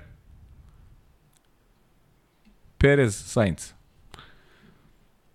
Leclerc, Perez, Sainz. Perez, Sainz. Zbog- zbog sezone. Maksa nema na pobedničkom postolju. Još nije završio trku, a da nije bio na pobedničkom postolju. Kažem ti zbog sezone. Kako zid šampiona? O, koleginici sprode agresivno. O, ovo je sad agresivno. Pazi, kad Max bude pobedio ovako, dvostruka još jedna za Red Bull i kaže, ćao drugari, sezona je naša. ok, eto, to su, to, su na, to su naša predviđanja. Inače, samo Andreju da govorim, još je 10 dirhama čovjek donirao, hvala. Mišljenje o spekulaciji da Pjastri zameni Latifija. A da, priča se o tome kao neka saradnja. Ima još jedno pitanje. Williams, saradnja Williams e, i... U plavim smo bojama. Pa, mislim, iskreno, iskreno ja bih voleo to zbog Pjastrija da se Teško. dogodi. Ali da, slažem Teško, se mislim tom, da je ugovor prilično čvrst za Latifija. Iskreno i mislim da neće niko ići u tom smeru u ovom trenutku, pogotovo ne Jost Kapito, zašto biste se zamerili nekome ko može da vam bude sponsor. Ako ugovor ističe, pustiš da ugovor istekne Pa ne, i to je ne to. samo to, nego, znaš, ti šta radiš ti u suštini onda po znacima navoda razigravaš nekog vozača koga ti u principu, znaš, ne, ti nemaš ništa od njega u budući. Tako da, mislim, u suštini nije bilo drugačije ni sa, ni sa Georgeom Russellom, ali mislim, znaš, ne, ne, ne, vidim prostu opciju. E, ali kad smo već tu, Vanja, pa da iskoristimo Brembo. To sam zaboravio. A to ne smemo da zaboravimo. Zašto? Pa ajde imamo baš, ja ne znam ne, ne, više koja je najsnažnija tačka kočenja. Hvala Brembo još jednom. Mi šta uradimo, skinemo italijanski, skinemo engleski i onda ubacimo naše glasove, pošto ne postoji verzija bez glasova. 7 tačaka kočenja, 13 krivina, 13 sekundi se provodi u kočenju, samo 18% kruga se koči. Dakle, 14% kruga su zaostavni putevi, 627 metara, krivina broj 10, najsnažnija tačka kočenja. Inače, iako se tako kratko koči, ovo je staza koja opterećuje kočeni sistem od, od 0 do 185%, verujte. I kao što ne, može, ne mogu da vidim, 148 kPa opterećenje, 2414 kW sa 284 km na čas na 63, zaustavni put 101 metar, zaustavno vreme 2,5 sekunde, negativno ubrzanje maksimalno 4,8 sjela zemljine. Teže krivina broj 10. Tamo nisam previše grešio. Tamo sam bio top i onda kroz 11. i onda 12. 13. brza je iskrivina. Uš, ali tu nije, tu ne usporavate previše. Tako je. Kažem ti, mogu, ma ej, vidi Vanja, sad ćemo da napravimo mi set zvučnih efekata. Ali ovo je š, da bude prvi. Tako molim je. Ima, ima još nekih. U svakom slučaju, ajmo drugari i drugarice, ljudi dragi, uh, udrite like, ali postavite neko pitanje. Evo ga, Deki Andres, da imamo. Da vidimo. Ups, sada imamo. U, koliko pitanja bi pobeže odjednom. Uš. Uh, Filip Jenić umesto Latifija. To bi bilo vrhunski. Osvaja vozač koji prođe prvi kroz cilj sa zdravim bolidom, šalim se Max ide Dvito, kaže. Šta mislite, Vuk Negovanović pita koliko je moguće da se izvesti scenariju kao na prvoj trci da otkažu oba Red Bulla. Jao, ljudi, stvarno... Teško, teško, da, teško predvideti tako, Pa da, više i ne takav znamo. scenariju, da, ko, ko može o takvom scenariju da, da razmišlja uopšte, mislim, to je... da. Ne, ja ne želim nikad nikom da otkaže ovaj bolid agregat, ali Ima mnogo pitanja za tebe. Zašto Kaži. skrivaš uh, simpatije prema Maxu? zašto skrivam? Pita 94 mas. Verujte, ne, ne, ne skriva niko kako, kako, kako crno skrivanje. E, Srki, satnica za ceo vikend. Rekao sam. Jesi rekao celu? Mm -hmm. To. Ako niste Možemo čuli, ponovimo, Možemo ponovimo. 20 sati Krećemo. krećemo, od 23 drugi trening u petak, onda idemo u subotu trening u 19 sati treći, od 22 kvalifikacije i trka u nedelju od 20. Nema ovih pratićih serija, samo Formula 1. I, I lepi su termini za, za televiziju. Dakle, Jesu, da, pogotovo ta nedeljna trka od 20 sati je baš super termin. nedelja veče, sedneš i kažeš, ok, ja ću sada lepo da uživam. Inače, videli ste da na stazama koje posećamo van Evrope, tajming nije kao na drugim mestima, u Azerbejdžanu pogotovo nije mogao da bude isti, zahvaljujući činjenici da već je kraj, sumrak je kada bi se vozilo u vreme kada su se vozile kvalifikacije, otuda i razlike kada je bilo, kada je bilo reči o samoj satnici. Ali eto, 8 uveče nedelje, to je ono što je najvažnije, kvalifikacije 11 uveče u subotu. Biće super. Da malo Da. ponoć završavaju. Kao i mi. Mada mi, ko, ko, Srki, bolje da čutimo za Kanadu da ureknemo Leclerca. Ništa, eto, Pa ne, rekli smo samo, ja bih ja sam rekao je. samo šta bih voleo da bude. Sr srđan ceo dan u studiju. E, U kabini, da, apsolutno, ima da provešću u kabini 3 i kabini 8. Sad su nas prebacili u osmicu. A ko zna, možda se vratimo u Možda dvojku. se vratimo u dvojku, ali da, ako bude dvojka, to je trojka i dvojka, one dele zid, tako da manje više bit će u 4 kvadratna metra ceo dan. Krećemo od ujutro, od 9.00 kreće MotoGP, to je 8.55 i onda, uuu, ceo dan. Dobro, bar nema Formule 2, Formule 3, f- da, Formule W, Porsche Super Kupa, inače ne znam da bih ikada izašao. Pa da, ne vidim ovo dobro. Da, šta mislite, ko će prvi do pobede, Sainz ili Russell? Muarem Airu, Airu, izvinjam se, Airulai pita. Ja mislim da će Sainz. Mm, Ali ne zato što, zato što više verujem u Sainz, već zato što ima potencijal da prvi da pobedi. Ovo je, mislim da Mercedes ove godine ne može, a Sainz mislim. u nekom spletu okolnosti ove godine ne može da pobedi. Ja mislim da će iskreno da se slože kockice čak i za Rasela. Koliko god možda zvučalo bizarno, ali neka kiša, tako neka situacija, A eto, ajde vidjet ćemo. mislim da će pre, pre to da uradi. E, Ognjen Radivojević, Srki, pitanje tebi, kako komentariš izjel Binotto o motoru i uspehu i trci u Južnoj Africi? Um, sad ne znam za koju mislite konkretnu izjavu za, za, za Binota, ako može malo pomoć. Ognjene. A trka u Južnoj Africi, da, to smo spomenuli, to treba zaboraviti, to zaboraviti, to treba spomenuti, već je ponoć. A to je činjenica da je Stefano Domenicali pričao upravo o tome da, Da, da postoji šansa već naredne godine da se Južna Afrička republika vrati u o tome, kalendar. da. Samo, samo jedna stvar, potvrdilo su ponovo da Belgija može da izgubi svoju poziciju u kalendaru. Iskreno se nadam da se to neće desiti, a da će nam se vratiti Južnoafrička republika koliko god to povećao broj. Pa, 20, trka. priča se o 25 trka, opet tema, tema Pa da. za... Ne za ovako kasne sate. Da, da. Baš, Baš... Govorimo na što više pitanja. Da, ajmo da vidimo. Da, e, top 3 Russell, Vettel, Hamilton. Opa, Mohamed Hajdari. A, baš me zanima za koga Mohamede navijate. Ja Ok. mislim da više traži dramu. Ako se to desi, Russell, Vettel, Hamilton, ja ne znam, to će biti Deki, Andi, šta fali Renault da budu top 3? plasman. Aerodinamika. Da, pa Pričali smo to. videli smo, videlo se to. Traži Igora Markovića. Biće jednog dana. E, ali uh, Igor inače ovog vikenda učestvuje u INA reliju, tako da znate Dušan Borković i Igor, Igor Marković će biti zajedno u Hrvatskoj na reliju, inače koji se bodu za prvenstvo Srbi, uh, Slovenije, Hrvatske um, i u reliju šampionatu Evrope, to je valjda kontinentalna zona, ako se ne veram, tako da se boduje za ta tri šampionata, Uh, Dušan više neće voziti u GT World Challenge-u, tako da će nastupati sada u reliju Hrvatske, Uh, to je nije reli Hrvatske u okviru šampionata sveta, već i na reli, tako da znate u Zagrebu su, ja mislim, već da. za dva dana, ako ne već i sutra. Da, ja Igora zvao nešto da ga pitam i on ćuti i sad zamolila koleginica da pita da li Dušan vozi u Hrvatskoj ili u Holandiji, pošto je GT World Challenge. Rekao, aj provjerit ću, zovem ga i pričam sa njim, kao ne, ne, vozi reli. I posle 20 minuta nekog potpuno desetog razgovora rekao, dobro, komu je suvozač? Pa ja. pa rekao Igore. To je Igor. Pa Igor, a da mi kažeš da vozi te vas dvojica zajedno, tako da Igor nije tu. E, Dvito, zanimljivo je koliko ovaj community ima nula toksičnosti i rivalstva, drago mi je iskreno što barem ovaj deo Formula 1 i zagađen svima ima svoje mišljenje i argumente koje svi poštujemo. Dvito, hvala vam i mi se nadamo da tako treba da bude, mi duboko verujemo u to, u redu je da se razlikuju mišljenja, to je super, samo argumentovano i kulturno. i A to je dobro, to. sve okej. mislim. Tako je. E, šta još imamo? E, European Trophy, tako je. E, ja mislim da Fernanda ima još tu brzinu, ali Alpina nema. Šta vi mislite? Pa, Pa- ja mislim da ima.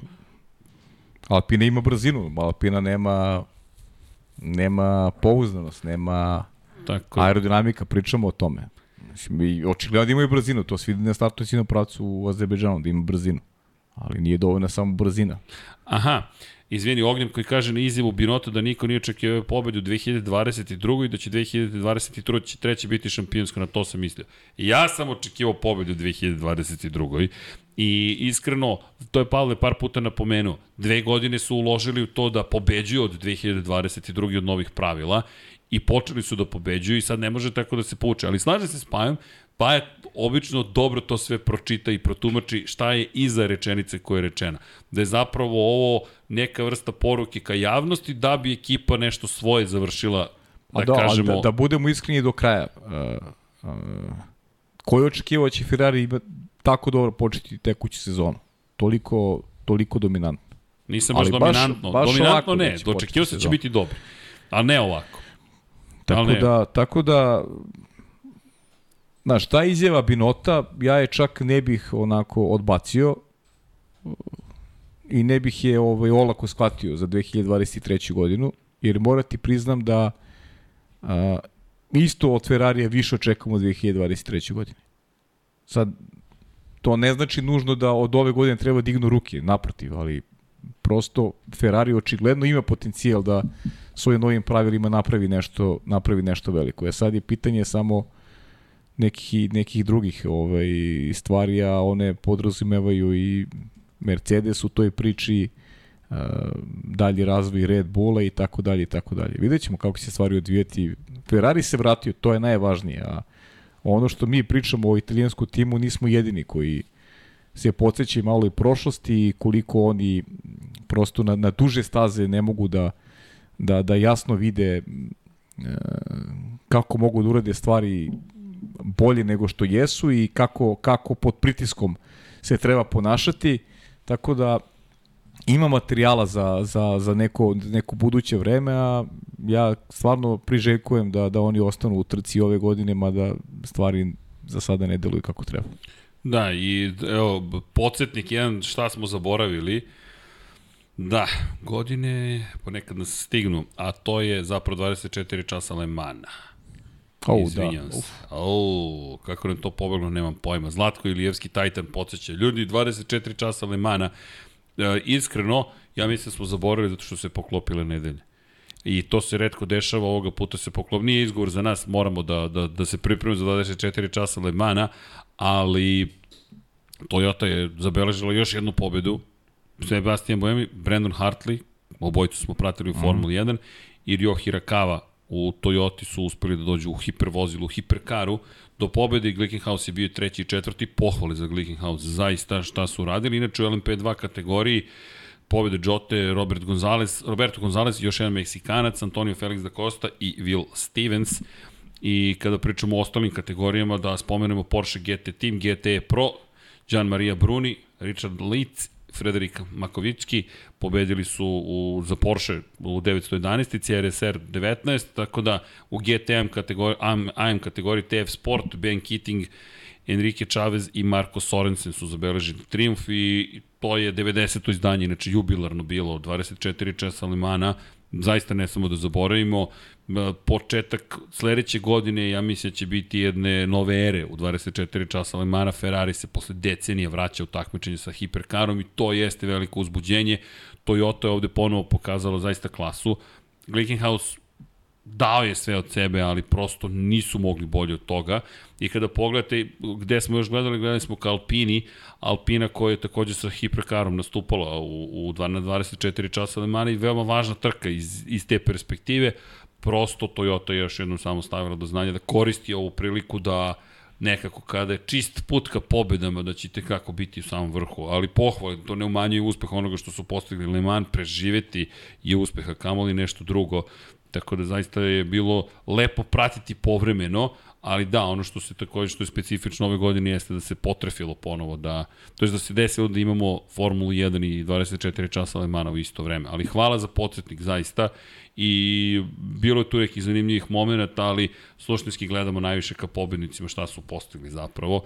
Pet inače vozila je prijavljeno u Hipercar na kategoriji, kažem, dve Toyota, dva Glickenhausa, prvi, drugi, treći, četvrti su bili i Alpina koja je imala svoje probleme, Nikolas Lapierre, Andre Negrao i Mathieu Vaxivier koji su zabeležili, na kraju završili u klasifikovani 18 krugova zapravo iza pobednika, ali ono što jeste suština jeste zapravo da 24 časa Lemana zaista jedna od najvećih trka na planeti Zemlji i zaslužujete kako da bude ispraćena. Eto, prosto nismo, nismo, nismo da kažem, ne da kažem se setili, prosto nismo se spremili za, na taj način za 24 časa Lemana, ali smo ispratili koliko smo mogli. Pa dobro. Desi se, ponekad se desi, ali hvala. Zato ste vi tu da nas podsjetite, tako da hvala Zlatko. Eto. Opa, i 24 časa Lemana smo ubacili. Dobro. I to u 24 časa. E da, u Tačno 20... u 24 smo pričali u 24 časa Le Mans. Pa ima simbolike. Ima simbolike u celoj priči. Ništa nije slučajno kod nas, ljudi. Da, inače, moje srce se smirilo, kaže, već dve, tri godine LMP1 i sada LM Hyper je najzanimljivija kategorija, nadam se da će sledeće godine biti najnezanimljivije kategorije, nadam se da će biti puno bolje kao u drugim kategorijama. Pa da, tu je zapravo, to su, to su bitke sada konstruktora kad je malo proizvođača da, da poboljšate svoju, svoje rekorde i da, da popunite brojku, broj pobjeda koje Toyota ima, ali zaista se nadam da će biti mnogo uzbuđenja.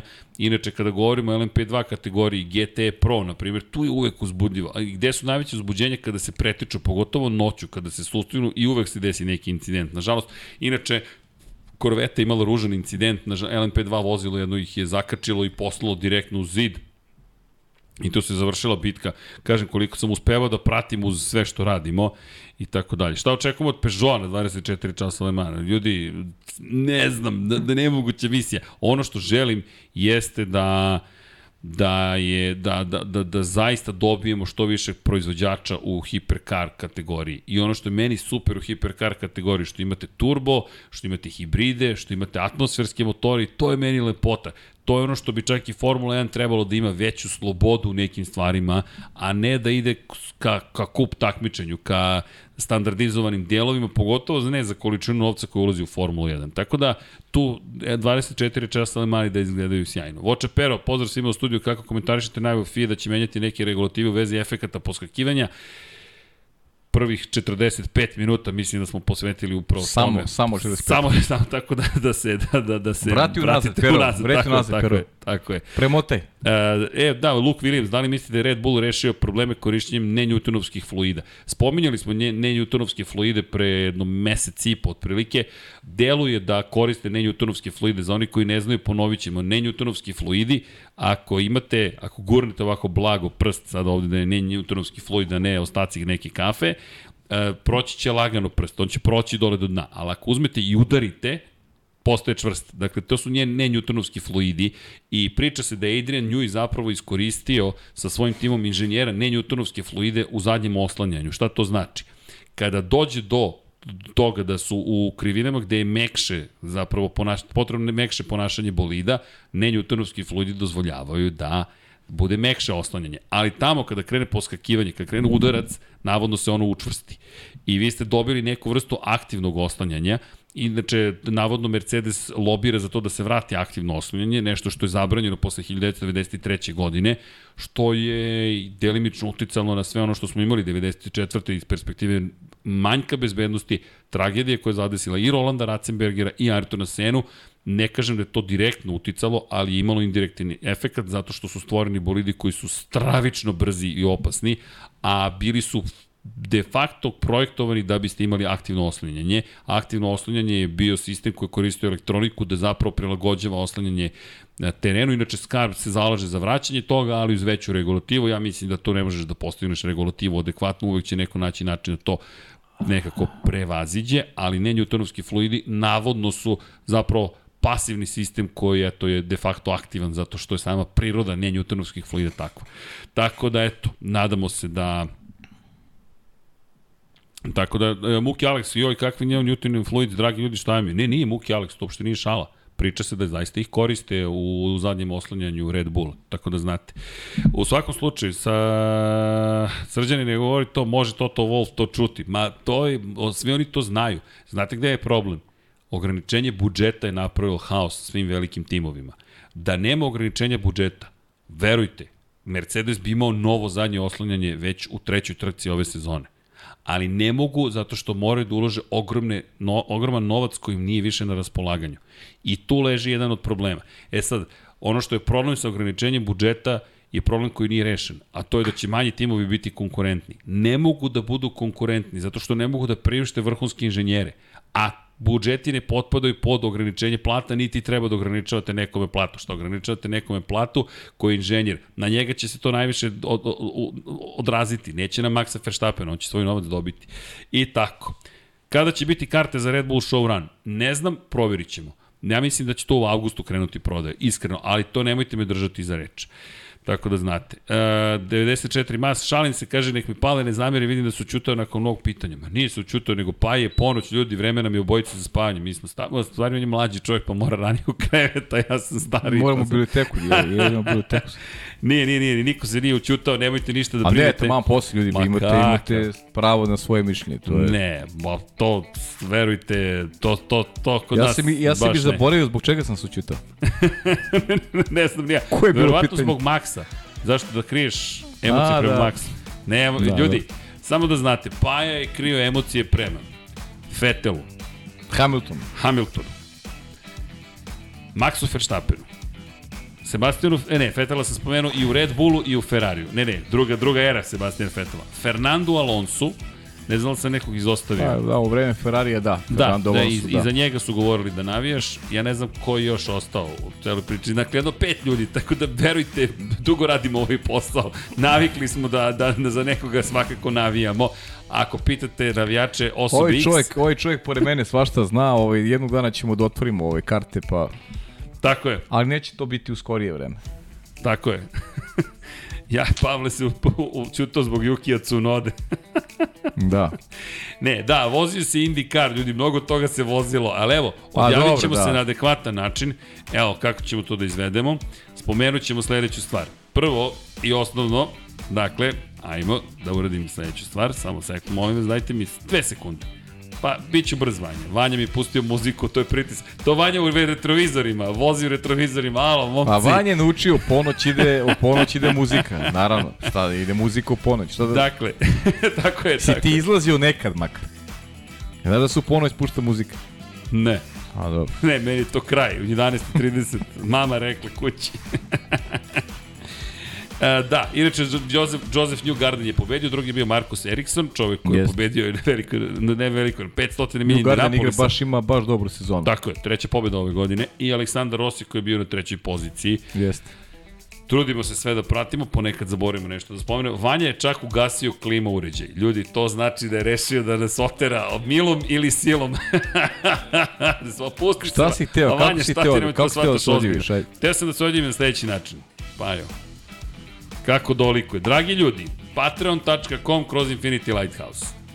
Posetite ga. Patreonci i vama spremamo neke, neke novitete i neke nove stvari. I onima koji su kliknuli join, kliknite join. To je podrška za nas. Hvala za svaku donaciju, hvala za sve što radite. Ima još jedan način da nas podržite. Knjige su tu. I ne samo knjige, i kačket možete da kupite. Možete i ovu majicu da kupite. Ayrton Sena, Dejan Potkonjak, put ka savršenstvu. Put ka Paj Živkoviću, a? Ček, kako sam ovo bacio. Crveno i crno, Dejan Potkonjak. Mi pričao Mihajlu Šumahiru, autorske knjige.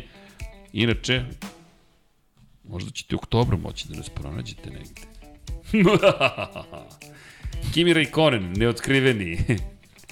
Hari Kari Hotakainen, ovaj pogled Pajin je na nivou, da li ovaj čovjek svoj? Ne, nisam. Ne, ja, ja komuniciram s kolegi će se sprovedi. Zašto se ti sebe prepoznaješ svud? A ne razumem. Dakle, Stvarno misliš da se svet vrti oko tebe? Ne, apsolutno ne, ali ovo je bilo više nego jasno, veruj mi. Čak i kamera zabeležila, pošto je bio dvoplan. Elem, preponosni smo na monografiju, preponosni smo na sve knjige, ali ovom smo zaista pomerili neke granice, 340 strana, nečeg što je zaista posebno. Prevedeno na srpski, a mi se prva monografija o vozaču Moto Grand Prix koja je prevedena na srpski. Inače, prevod prvoga njegova autobiografiju radila ekipa iz Pančeva, Mali princ, ako se ne varam, i je izdavač bio. Mi spominjemo sve drage ljude, ali Infinity Lighthouse kao izdavač knjiga je pripremio nešto zaista neverovatno, a oni koji su sa nama na Patreonu, da zaokružim misao, su sa nama i u Ju. knjizi. Da, da. Ju, šta kaže knjiga? Knjiga kaže sledeće. Samo da kažemo hvala. Zašto? Pa zato što vas volimo i zato što bez vas ovo sve nema nikakvog smisla. Mislim, možda bi imalo smisla, nas dvojice sedimo i pričamo, mi bi se svako pričali, ja bi stajao u kafani, on bi sedeo i sve bi bilo okej. Okay. Ili bi se pridržavao, kako god. Ja, pokrovitelj Infinity Lighthouse, samo da kažemo hvala. Koleginici iz prodaje ne može da veruje čemu prisustvuje večeras. Novi teti, udrite like ako vam se dopadao ovaj zabavni sadržaj. Elem, ljudi, šalno na stranu, vreme da se polako pozdravimo da vam poželimo laka noć, ali poseban pozdrav Patreonima. Ozren Prpić, Jelena Jeremić, Sava, Ivan Toškov, Stefan Dulić, Mladen Krstić, Marko Mostarac, Marko Bogavac, Nenad Divić, Toni Ruščić, Ivan Maksimović, Zoltan Mezej, Mario Vidović, Miloš Banduka, Aleksa Vuče, Zoran Šalamon, Ivan Simonović, Predrag Simić, Đorđe Radović, Mihajlo Krgović, Filip Banovački, Nikola Božinović, Nenad Đorđević, Miroslav Vučinić, Monika Erceg, Omer Kovačević, Aleksandar Gošić, Jelena Mak, Luka Saović, Žorž, Stefan Vidić, Mlađan Antić, Marko Ćurčić, Borko Božunović, Milan Nešković, Bojan Mijatović, Petar Relić, Nenad Simić, Borac Gvozden, Andrej Božo, Josip Kovačić, Mirjana Živković, Boris Golubar, Đorđe Andrić, Zorana Vidić, Luka Manitašević, Ljubo Đurović, Miloš Vuletić, Dušan Ristić, Marina Mihajlović, Nemanja Miloradović, Vukašin Vučenović, Đole Bronkos, Miroslav Cvetić, Stefan Milošević, Antonio Novak, Jasenko Samarđić, Nikola Stojanović, Mihovil Stamičar, Zoran Majdov, Nemanja Jeremić, Stefan Nedeljković, Lazar Pević, Jan Gajan, Aleksa Jelić, Tijana Vidanović, Boris Kujundžić, Aleksandar Antonović, Nemanja Zagorac, Dejan Vujović, Aca Vizla, Milan Ristić, Igor Vučković, Vukašin Jekić, Igor Gašparić,